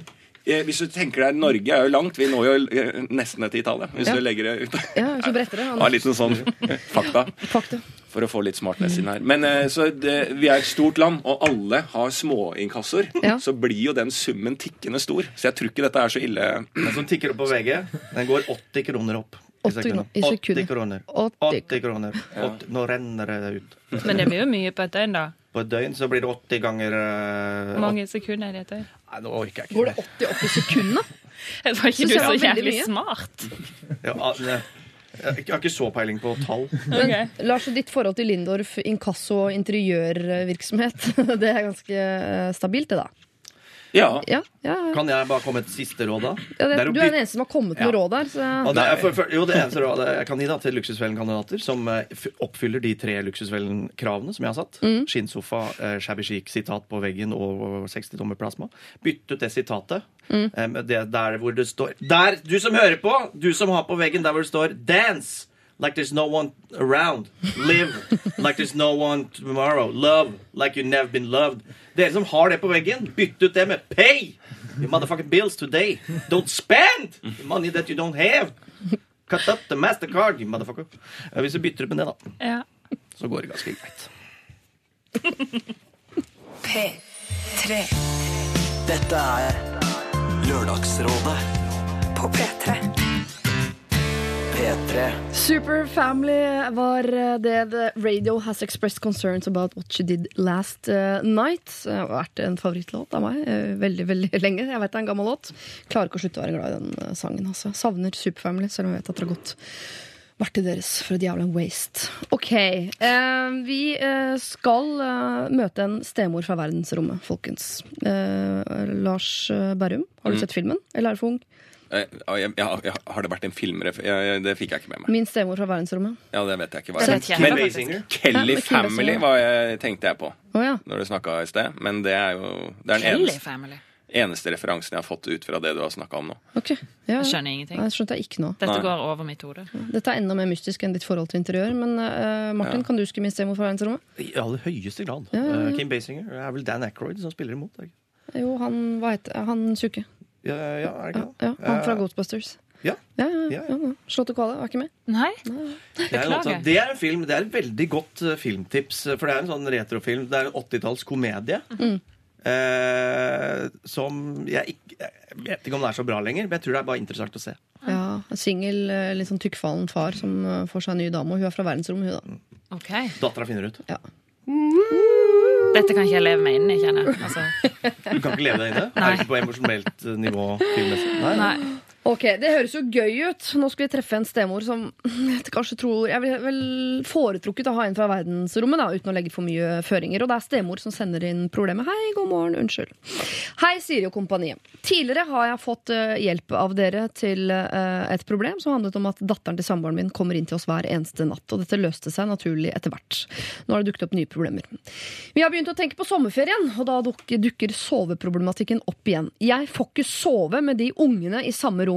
Altså her har vi, eh, La meg forklare da, at det er en jente vi har hjulpet gjentatte ganger. Hun har fått seg type. Han har unger, det har ikke hun. Vil ikke ha unger heller. Jeg foreslo å bestille leilighet med flere soverom. Da kom det på pussig vis for en dag at jeg eh, aldri klarer å se på disse ungene som mine egne. Jeg har ikke egne unger, jeg har ikke tenkt å få det med det første heller. Jeg er positivt innstilt til disse ungene som har dukket opp, men jeg klarer ikke å invitere dem opp i senga, lage prompelyder på magen deres og kysse på dem og overse at de er uoppdragne møkkaunger. Jeg er en helt vanlig stemor som arrangerer bursdager, gir de nattaklem og sier at jeg er glad i dem. Men samboeren min har en så intens drøm om at jeg skal oppføre meg likt mot ungene som moren deres gjør. Han drømmer om den perfekte familie med meg. Vi elsker hverandre mer enn noen av oss trodde var mulig, og nesten mer enn samfunnet orker å bevitne. Men så kommer disse ungene tassende, og alt blir dårlig stemning. Jeg har selvsagt fortalt samboeren min om hva jeg føler, han skjønner meg godt, men vil at jeg skal prøve litt hardere. Han ønsker veldig at jeg skal svare 'elsker deg' også, når yngstefrøken slenger dette ut i vilden sky. Jeg svarer med å gi henne en klem, men jeg får meg ikke til å si det samme tilbake. Hun er ti år, så hun spør stadig om jeg elsker henne, og da må jeg fortelle at nei, jeg gjør ikke det, fordi jeg elsker bare pappaen hennes. Herregud, for en himla floke. Det må nevnes at samboeren har veldig forståelse for hvordan jeg føler det, men jeg ser på han at han skulle ønske at ting var annerledes. Så Lørdagsrådet. Kan ikke dere tenke litt og kaste litt ball om dette, og til slutt komme med en konklusjon? Bør jeg flytte ut? Med vennlig hilsen medium bra stemor. Og i hvert fall knekt koden på det programmet her. Skal vi kaste litt ball, da? Ja, vi kaster litt ball. Jeg kan begynne. Ja, kast en ball, eh, Martin. Kaster ut en ball her.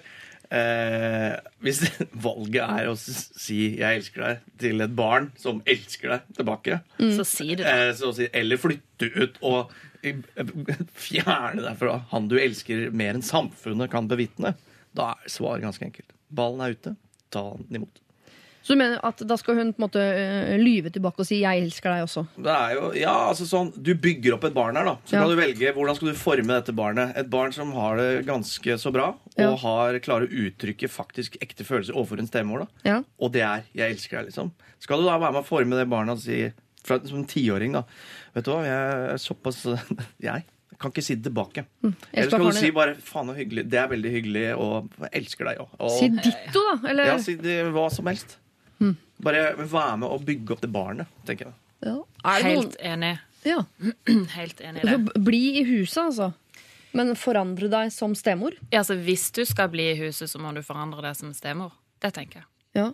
Men utad så virker hun jo Jeg tror Ungene får et inntrykk av at hun er veldig grei. Hun gir nattaklemmer og arrangerer bursdager. Og i og med at de elsker henne, så kan hun jo ikke være så fryktelig dårlig stemor. Nei. Hun, hun har gjort et eller annet som gjør henne til et elskelig vesen, også i barnets øyne. Ja.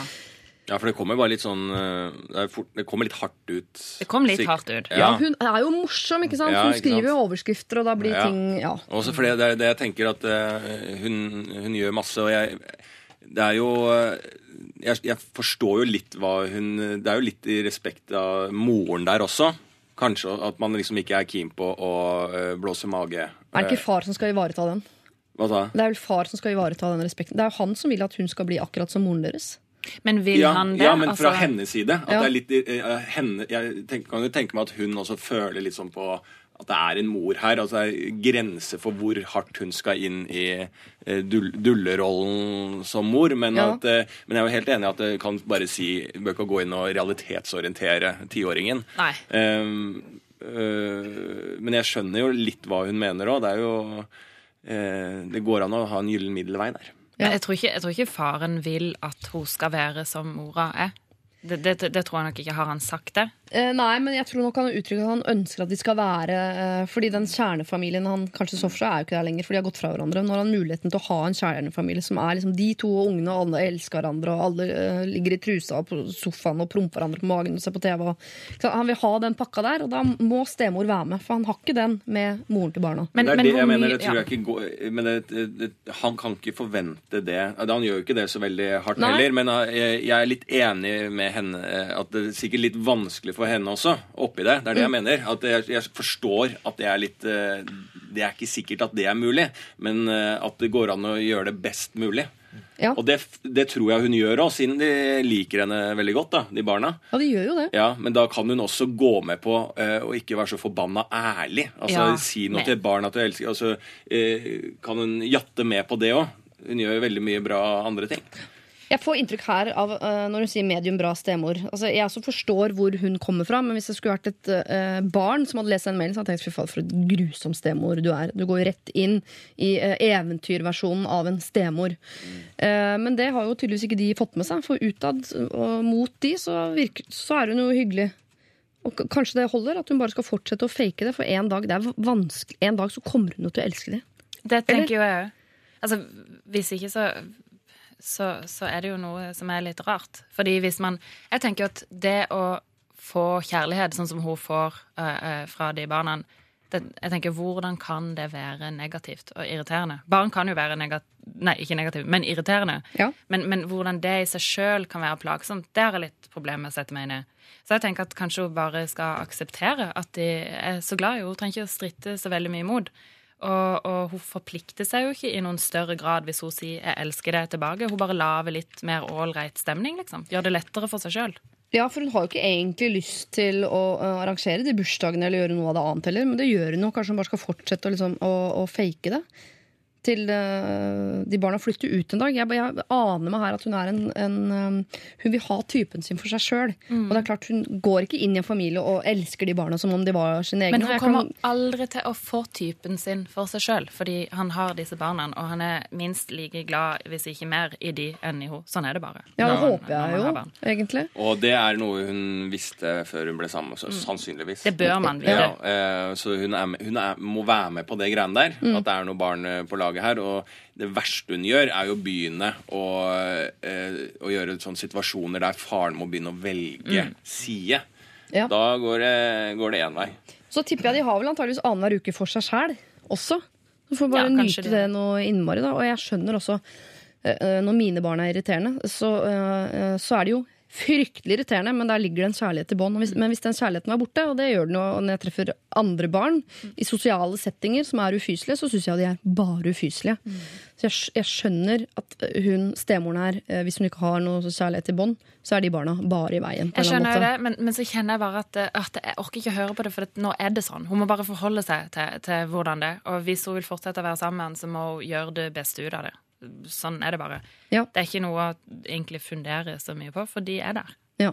Og de er viktigst. Så svaret er hvis du elsker han fyren her eh, så uh, hardt som du påstår, altså så uh, mye at samfunnet orker å bevitne deres uh, kjærlighet, det høres jo slitsomt ut i seg sjøl, eh, så skal du selvfølgelig ikke flytte ut. Men hvis du skal bli boende der, så er du nødt til å skru til det der med medium bra stemor til å bli en god stemor. For hvis du begynner å sette disse opp mot hverandre, far opp mot barn, eller begynner å være ufyselig mot barna, så kommer det til å slå tilbake på deg en eller annen dag. Jeg ser vanskelig for meg at han kan klare å elske deg hvis du åpenlyst ikke elsker barna hans, sånn på sikt. Så se på det som en investering, da, rett og slett. Hvis dette er mannen i ditt liv, så får du jo si hvor mange Altså Hvor ofte har man ikke sitt liv sagt 'jeg elsker deg' tilbake uten å egentlig mene det sånn skikkelig? Altså, det gjør man jo. Innen, altså, gjør man ikke det? Eller er det bare jeg, jeg sier jeg elsker deg, Lokføreren, det er ikke det. Altså, jeg elsker deg faktisk veldig mye. Men jeg har jo brukt den frasen sånn Ja, hvor vanskelig kan det være? det er noen ord, liksom. Ja. Du får bare si det tilbake. Jeg synes Vi skal gjenta et ord som du, Lars Berrum, sa. Du trenger ikke å realitetsorientere en tiåring på hvor landet ligger. Bare svar. Vær hyggelig tilbake, og vær en god stemor herfra og ut. Neste gang du sender mail, så vil jeg at du skal eh, ha et nytt problem, selvfølgelig, men du skal kunne underskrive med, med vennlig hilsen 'meget bra stemor'. Hvis ikke så leser jeg ikke mailen. Dette er Lørdagsrådet På P3. P3. 2AM synger hun om eh, Astrid her, og før det Onkel P og de fjerne slektningene med sin Styggen på ryggen. Eh, han burde jo selvfølgelig vært her, altså eh, denne Onkel P, og stilt sine eh, spørsmål til oss i rådet, for han har jo tydeligvis eh, ryggsekken full av issues. Eh, det er han ikke, så da kan dere få lov å slippe til nå. Jeg har jo denne Lørdagsrådet Ekspress, som er en app åpen og tilgjengelig for alle uh, som hører på. Uh, kan laste ned på, uh, på nrk.no ekspress. Jeg skal, jeg skal lære meg det skikkelig en dag. Eh, og legge den til hjemskjermen, så har du en slags sånn mm, Lørdagsrådet-hjelp døgnet rundt hele uka, som svarer deg på sånne enkle eh, problemer du måtte ha i hverdagen. Dere skal få prøve. Dette gjør vi hver eneste lørdag. Charlotte, du har vært med på dette tidligere. Da spurte du skal jeg få eh, et barn nummer to, og svaret du fikk da var Hvorfor i all verden? Ja. Og du har jo da siden det ikke fått barn nummer to. Så Nei. har du fulgt det til punkt og prikke. Det setter jeg pris på. Ja. Ja. Eh, og det var jovial latter. Hørte du? Skikkelig sånn julestemning-latter. Hvem vil begynne å stille spørsmål i dag? Jeg sender eh, Jeg kan begynne, jeg. Kan du begynne, ja? Ja. Hva lurer du på? Du må trykke når du har spurt.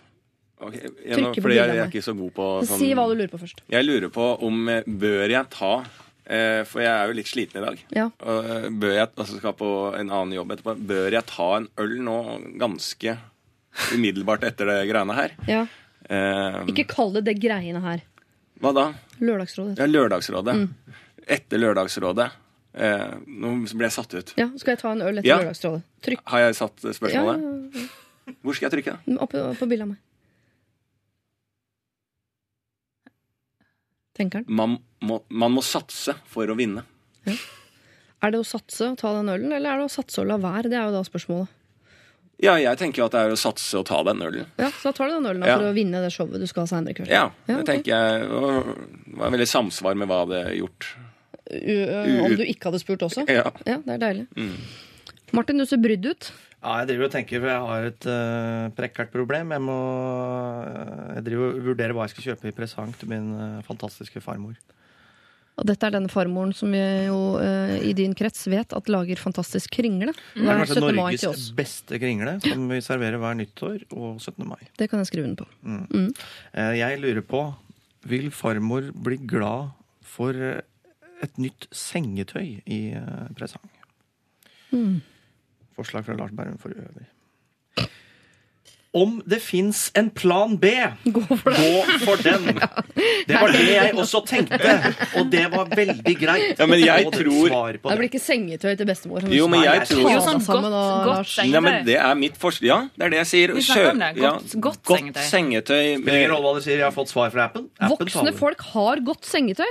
Ja, men, Ja, men- hva er det? det fins jo en oppgradering som ikke en farmor vet. Det er sikkert noe velur eller Altså, det er et eller annet eh, ja, men, du sa jo, Martin, du visste jo hvor mange altså, Hva det heter for noe? Tråd- thread count. Thread count. Ja, ja, 600 er bra. Så Egyptian cotton. Ja. Ja. Det vet ikke farmor som lager kringle. At det fins eh, Nei, men Tenk når hun legger seg i det. Tenk hvor deilig det føles. Ja. Mm, Hun har sant? gitt meg både den beste dynedyna jeg har, og det beste sengetøyet jeg har, og det beste håndkleet jeg har.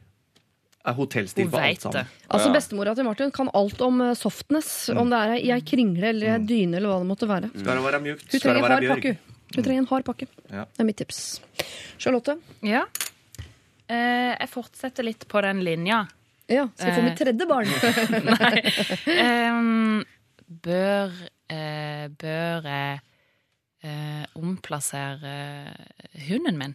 Nei Det er veldig leit. ja, Spør appen. Jeg tar den. En gang til. Omplassen, stakkars Stella.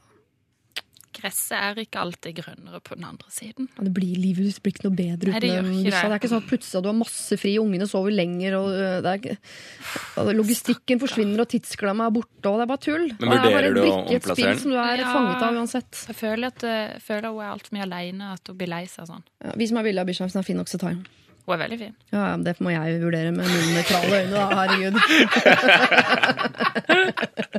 La Men ville, kunne du faktisk tatt imot uh, Stella-hunden? Ja. Jeg prøvde å ta over bikkja til en øh, forfatter her for en stund siden, som jeg ikke husker hva heter. Jeg var flink. Eh, jeg har ikke hørt noe mer fra. Du prøvde å ta bikkja hos henne? Nei, Hun ville ikke ha den lenger. Jeg sa jeg tar den, jeg. Og så har jeg ikke hørt noe fra. Å nei. Det er Ikke sånn at du, nei, for jeg Hvis du hører på, og du vet hva det heter sjøl. Jeg tar den bikkja. Hun er dyrt, vet du. Ok, vi skal videre til andres problemer. Neste problem inneholder eh, ordet skjegg, som jo er et eh, problem om dagen generelt. Et samfunnsproblem, spør du meg, men det er ikke det vi skal ta. Eh, hva det innebærer, får dere høre på andre siden av Zelo Green. Dette her er eh, Fuck You. Dette er Lørdagsrådet På P3. P3. Zelo Green sier det vi jo ofte har lyst til å si fuck you, men vi gjør det eh, veldig veldig sjeldent. Og det er fordi vi har folkeskikk. Her i Lørdagsrådet i dag sitter jeg sammen med Charlotte Kvale, eh, som akkurat har fått beskjed om at eh, hun ikke skal kvitte seg med hunden sin. Martin Beyer-Olsen, du har fått beskjed om at sengetøy er ikke veien å gå når du skal kjøpe gave til din bestemor. Hvor gammel blir hun? 85. 85. Eh, og Lars Berrum, du fikk vel beskjed om at eh, du bør kanskje gå og ta deg en øl etter sending i dag for å, å eh, fikse og gjøre den jobben seinere i dag. Mhm. Men det er klart, det er jo et steg i retning av et liv Som du ikke som kanskje er så du hypp på. ikke burde stå inne for. Altså. Hva da? Når er i ferd med å bli en sånn eh, eh, komiker med skinnsofa og mastercard som drikker øl midt på dagen for å kunne gå på jobb. Med flagg på Altså, veggen. jeg, jeg bare reiser uh, varselflagget nå, Ja. og kommer til å bruke det mot deg om noen år hvis jeg møter deg sånn subbende nedi gata her. Ja, ja. Skjønner du? ja, ja. Ja. Har det på teip. Dere, eh, vi skal eh, hjelpe en jente på 20 år som er på vei inn i et forhold til en gutt på 24. La oss kalle han Kåre. Fram til nå har alt vært eh, bare oss to når vi har vært sammen. Og semien har vært bra, vi har masse å snakke om. For et par dager siden møtte jeg noen av vennene hans for første gang. De er, som han selv, noen år eldre enn meg. Noen nærmere 30 enn 20. Det var en artig og kul gjeng. Problemet var at jeg, mye pga. aldersforskjellen, men også som en utenforstående, ikke følte at jeg kunne bidra med noe til samtalene, fordi jeg delte så lite av deres referansegrunnlag. Som et resultat av dette satt jeg stille hele kvelden, følte meg som en usikker idiot, og dro selvfølgelig tidlig. Som et eksempel. Venn med skjegg, kolon. Så er det alle disse 95-erne da, som aldri har hørt om Ut i vår hage. Alle andre venner, med og uten skjegg. Kåre må selvfølgelig spørre høyt foran alle andre om jeg har hørt om Ut i vår hage. Jeg, øh, øh, jeg har hørt om det. Alle andre venner, med og uten skjegg, ler litt reservert og med medlidenhet. De går over til å diskutere spesifikke Ut i vår hage-episoder, sketsjer med mer. Det kan nevnes for underholdningens skyld at jeg, når jeg skulle dra, klarte å bruke det at jeg skulle tidlig opp for å ta X-Fil, som jo er et obligatorisk fag som alle starter på universitetet må ta, og som alle de andre har tatt for ca. 100 år siden. Dette brukte jeg som min unnskyldning for å gå hjem tidlig. Kåre fulgte meg hjem og ga ikke uttrykk for at han var flau over meg, men det var tydelig at han skjønte at jeg hadde vært veldig out of my comfort zone. Det skjønte nok også alle andre. Jeg har alle mulige angster. For eksempel, hva tenker de om lille meg? Ville det vært avgjørende for om jeg og Kåre kommer til å se hverandre framover pga. dette første møtet? Åh, men jeg har jo fortsatt lyst til å bli bedre kjent med vennene hans, så hva gjør jeg?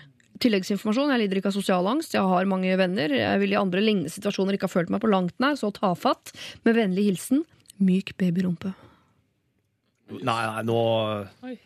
det, Har, du glemt glemte det? du alt jeg sa myk før myk babyrumpe nå? Ja, det kan jeg ikke være et problem om utover hage, og så ender det med hilsen myk babyrumpe. Jo, hun føler seg ung, disse er gamle, de snakker om ut i vår eh, hage. Mens, mm. så det vil si at de har hu sånn helhud på rumpa, antagelig, Ja, derfor de er så gamle. Hun har skjegg på rumpa òg. Eh, ja, nei, Rævskjegg? Rævskjegg har hun nok, antagelig. Men Første det, gjøre, er å kjøpe seg utover hage. da. Kan vi begynne der Og se den. og se den? Ja. Dette er jo bare altså, luksusproblemet, holdt jeg på å si. Hun er jo bare heldig som er ung og har til gode å oppleve alle mulige ting. Og grunnen til at hun føler seg utenfor, er ikke fordi hun er tjukk i huet, men fordi at eh, hun rett og slett ikke har opplevd de samme tingene som de andre har. Det er én TV-serie hun ikke har sett.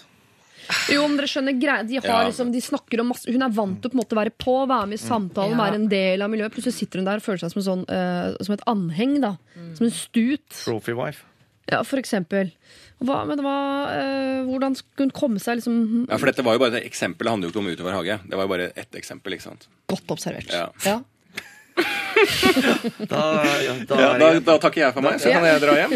Eh, så tar den, øl- går og tar den ølen nå igjen. Nei, men, eh, men eh, hør nå her, da. Ja. Eh, jeg, jeg, jeg tenker jo at dette her er jo litt dårlig av denne hvis, Jeg føler at hun er med, at det ikke er noen flere eh, kjærester til stede der.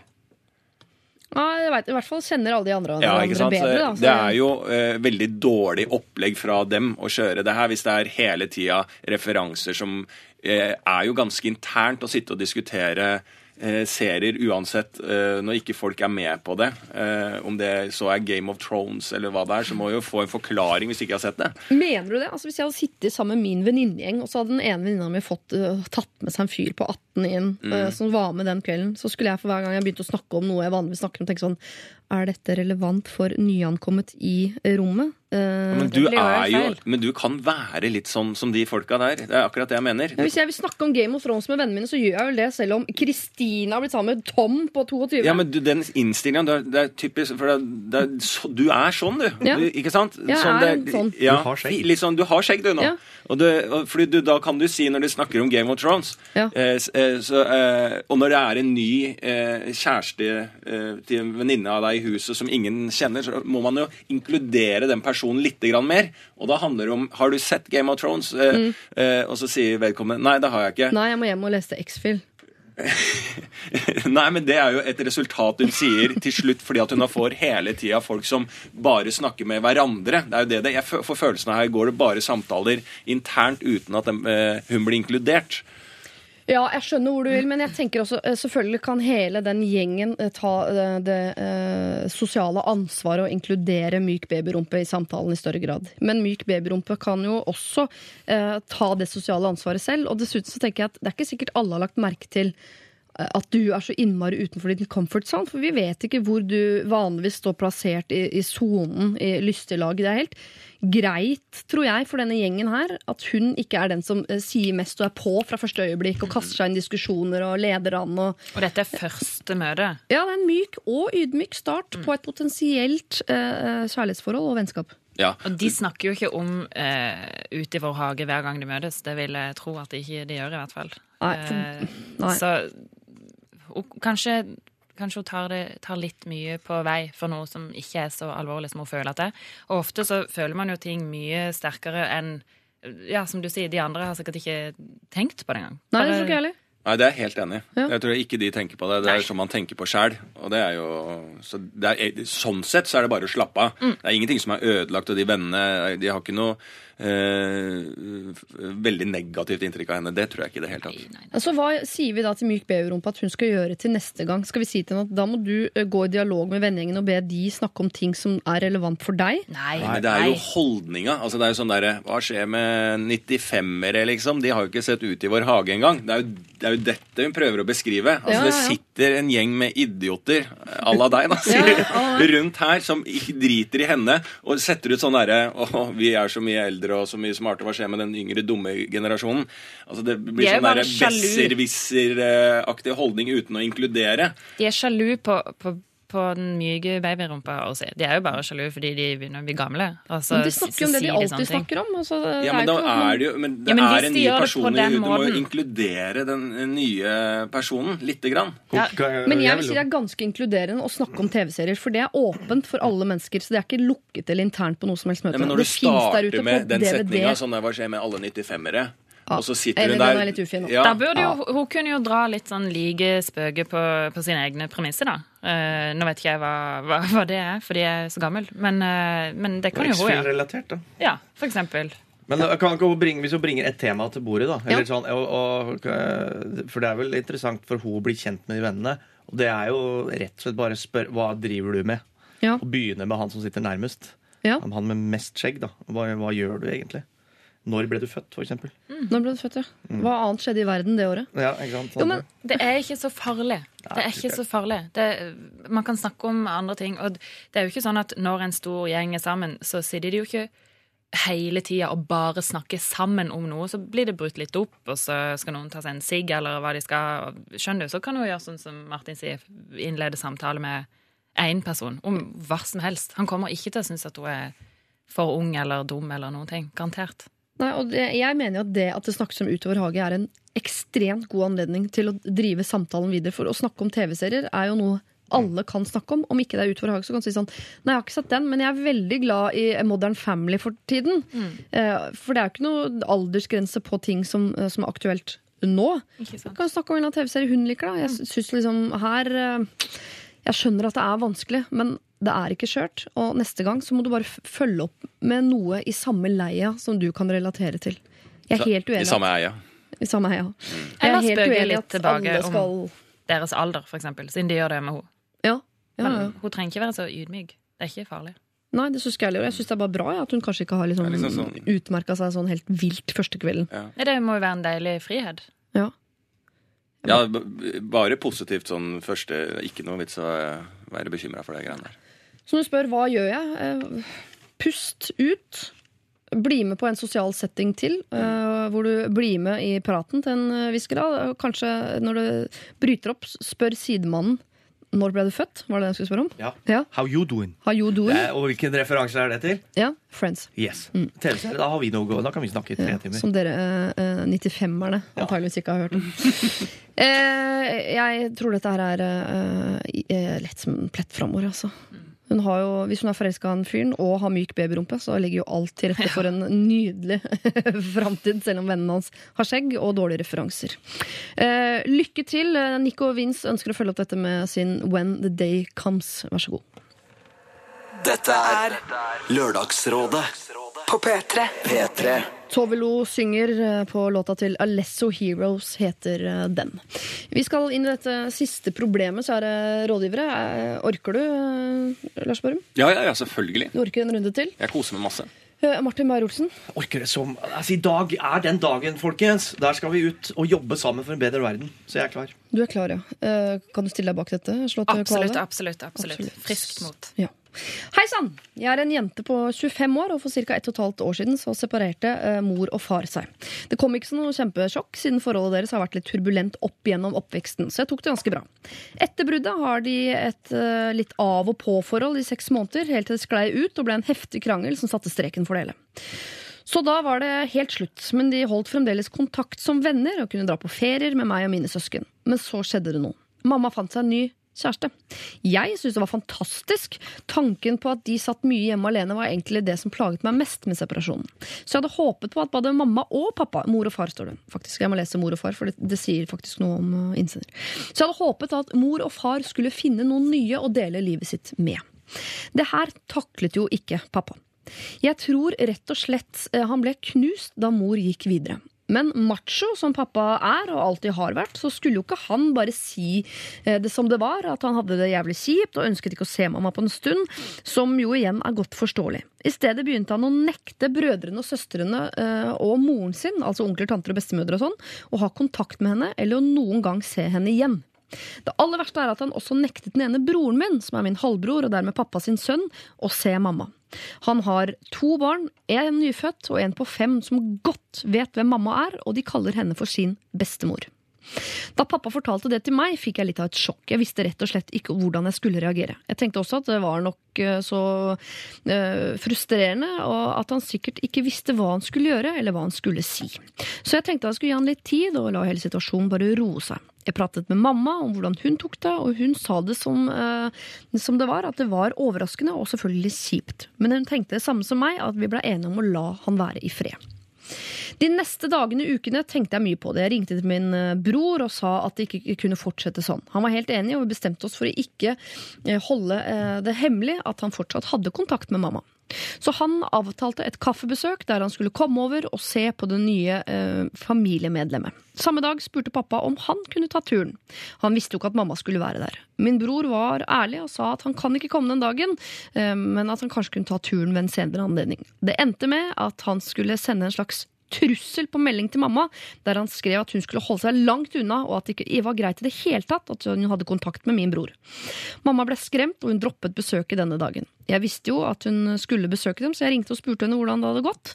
Da fikk jeg vite dette, og jeg ble eh, umiddelbart sint og sendte SMS til pappa hvor jeg sa at jeg ble rasende.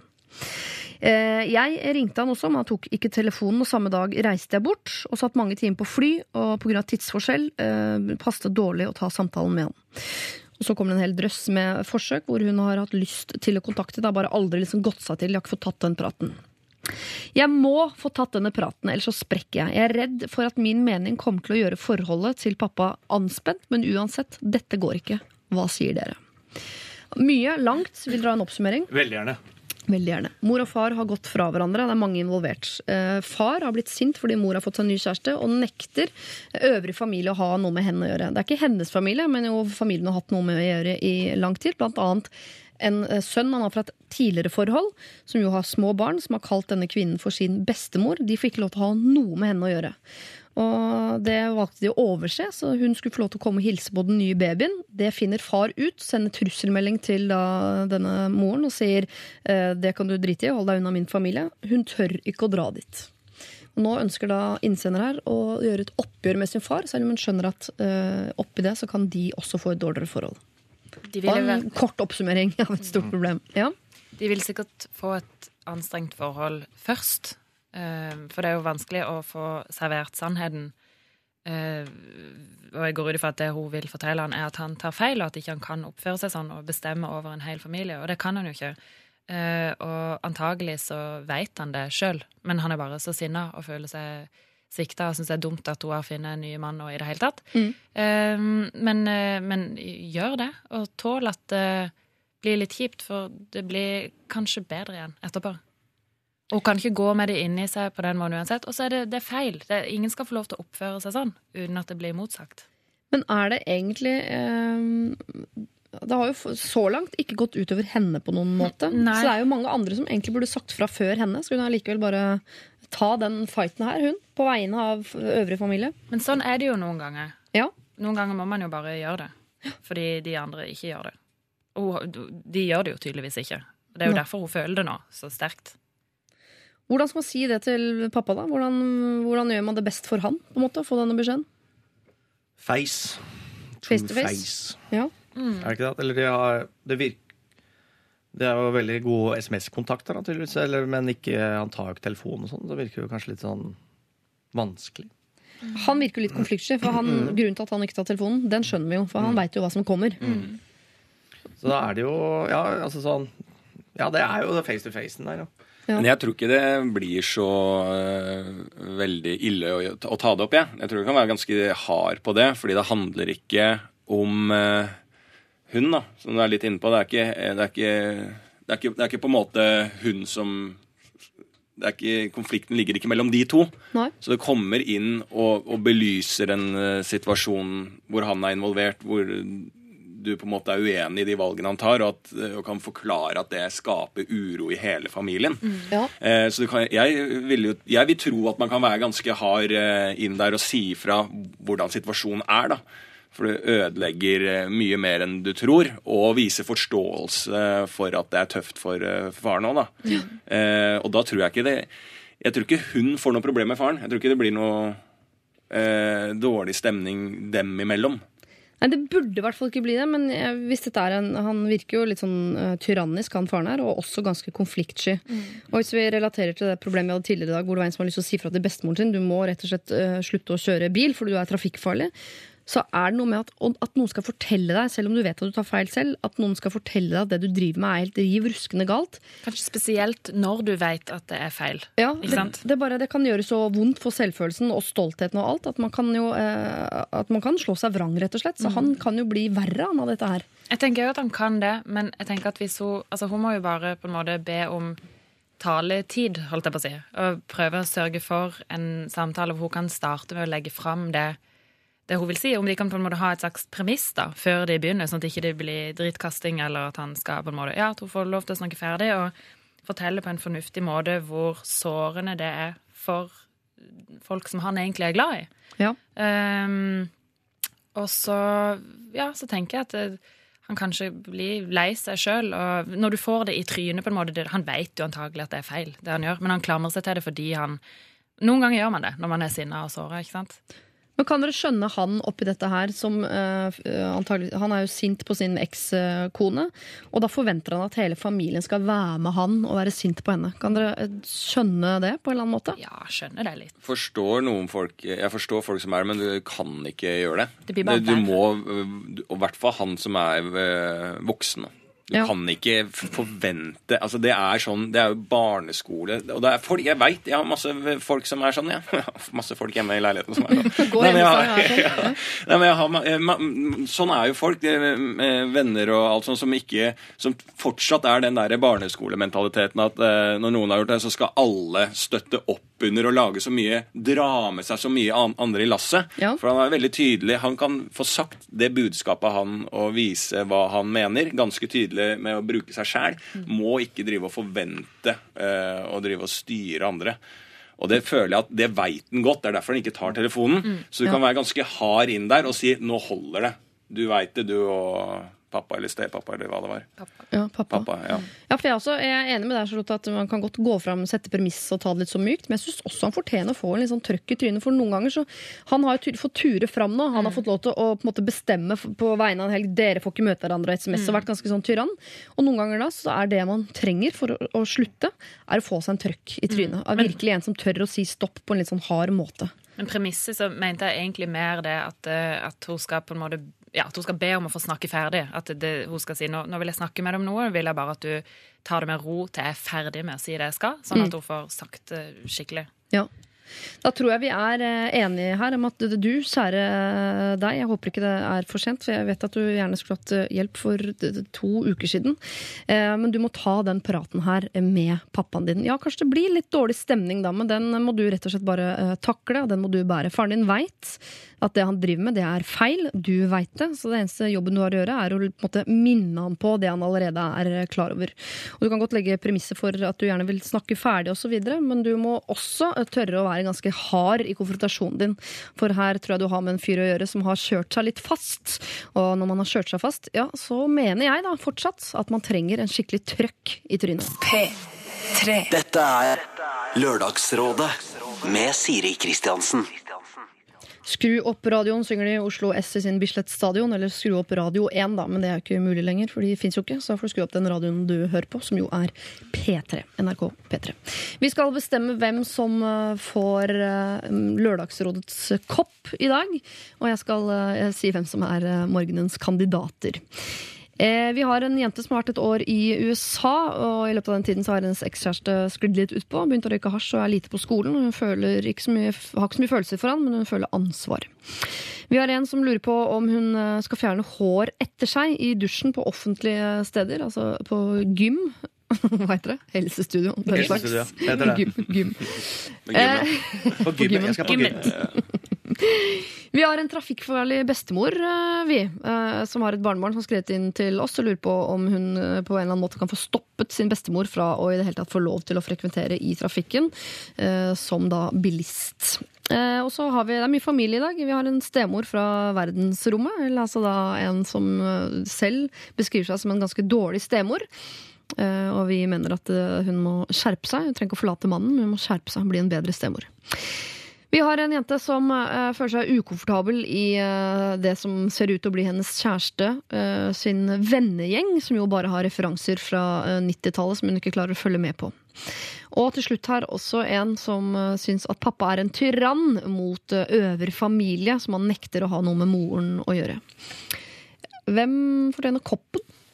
Det er den koppen dere har drukket kaffe av hele dag. Altså Ikke den skal få en rein, egen, ny, men uh, samme type.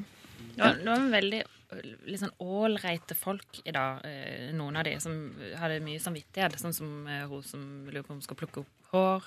Ja. Det er jo veldig hyggelig å tenke sånn. Hyggelig å tenke at man skal ta ansvar for familien. Hun Mm. som kanskje skal snakke med pappaen sin. Jeg syns en av de to er. Hår eller far? Mhm. Ja, jeg, jeg vil si eh, Jeg er også litt på eh, Siden det har vært veldig mye fint her, eh, for å plukke ut en litt sånn eh, En liten eh, eh, fakkel, Ja. så er det de der eh, Nei, men eh, hår. Jeg er helt enig i at fordi at det er litt sånn sånn eh, hun, hun sier da at uh, ta et initiativ til å tenke over at man kan bidra Ja. med ting. Ja. Og det syns jeg er litt eh, fint. da På de som at Jeg tror vi, vi blir et bedre, i hvert fall i Norge, så kan vi bli bedre på akkurat det. Og bidra litt på sånne uh, småting. Så dere syns det er et større samfunnsproblem dette med hår i dusjen enn farlig uh, folk i trafikken? Ja, men jeg synes det, setter- er et, det er, det, Nei, men Nei. det setter et eh, det, det er et eksempel til noe større, da. Ja, ja, det, jeg. det, er starten på en revolusjon. Det er derfor jeg gjør det, Lars. Så det er kjempemorsomt å plage folk som vet i utgangspunktet er litt slitne. Jeg er ikke sliten. Jo. Martin? Jeg synes, eh, Enten hår eller bestemor, ja. Fordi eh, jeg synes det hadde vært noe gøy med hvis bestemor kunne hørt på dette programmet Mhm. i podkast mens da barnebarnet står med T-skjorta rett ved siden av og hører denne kom- Kopp. Og, kopp, ja. Sorry. sorry. Kopp, og, og jeg, jeg vil jo skremme den bestemora, jenta jeg vil. Enten Ja. med airhorn eller da med en surrealistisk uh, opplevelse hvor hun står og hører på et radioprogram som ikke vet er i opptak. Du har veldig blandet personlighet. Du har lyst til å skremme andres bestemødre, men selv er du meget bekymret over om du skal kjøpe sengetøy til din egen, eller hva du skal investere pengene dine i. Ja, Er det et problem? Nei, men det er, eh, det er satt opp mot hverandre. Rart. Ja, men det, men det tjener jeg penger på. Å Ja. være litt rar. Ja. Så det skal jeg fortsette med. I Bli aller enige, høyeste grad. folkens, Jeg blir enig, hele Hår, jeg er helt enig med hår. Revolusjon på gang. Ja. Ok, det var vel den jeg trodde ikke skulle få koppen i dag, men det er jo forfriskende for meg å kunne si at den som får eh, dagens Lørdagsrådet-kopp, det er deg som ønsker, i hvert fall til en viss grad, å fjerne ditt eget hår fra sluket når du har dusjet på eh, gymmen. Eh, Tusen takk til dagens eh, rådgivere, Charlotte Kvale, Martin Beyer-Olsen og Lars Berrum.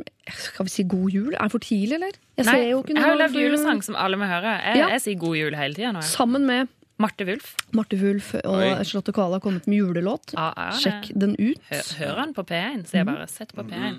Hei, hei, hei. Nei, unnskyld. Bli på P3, men finn den låta et annet sted.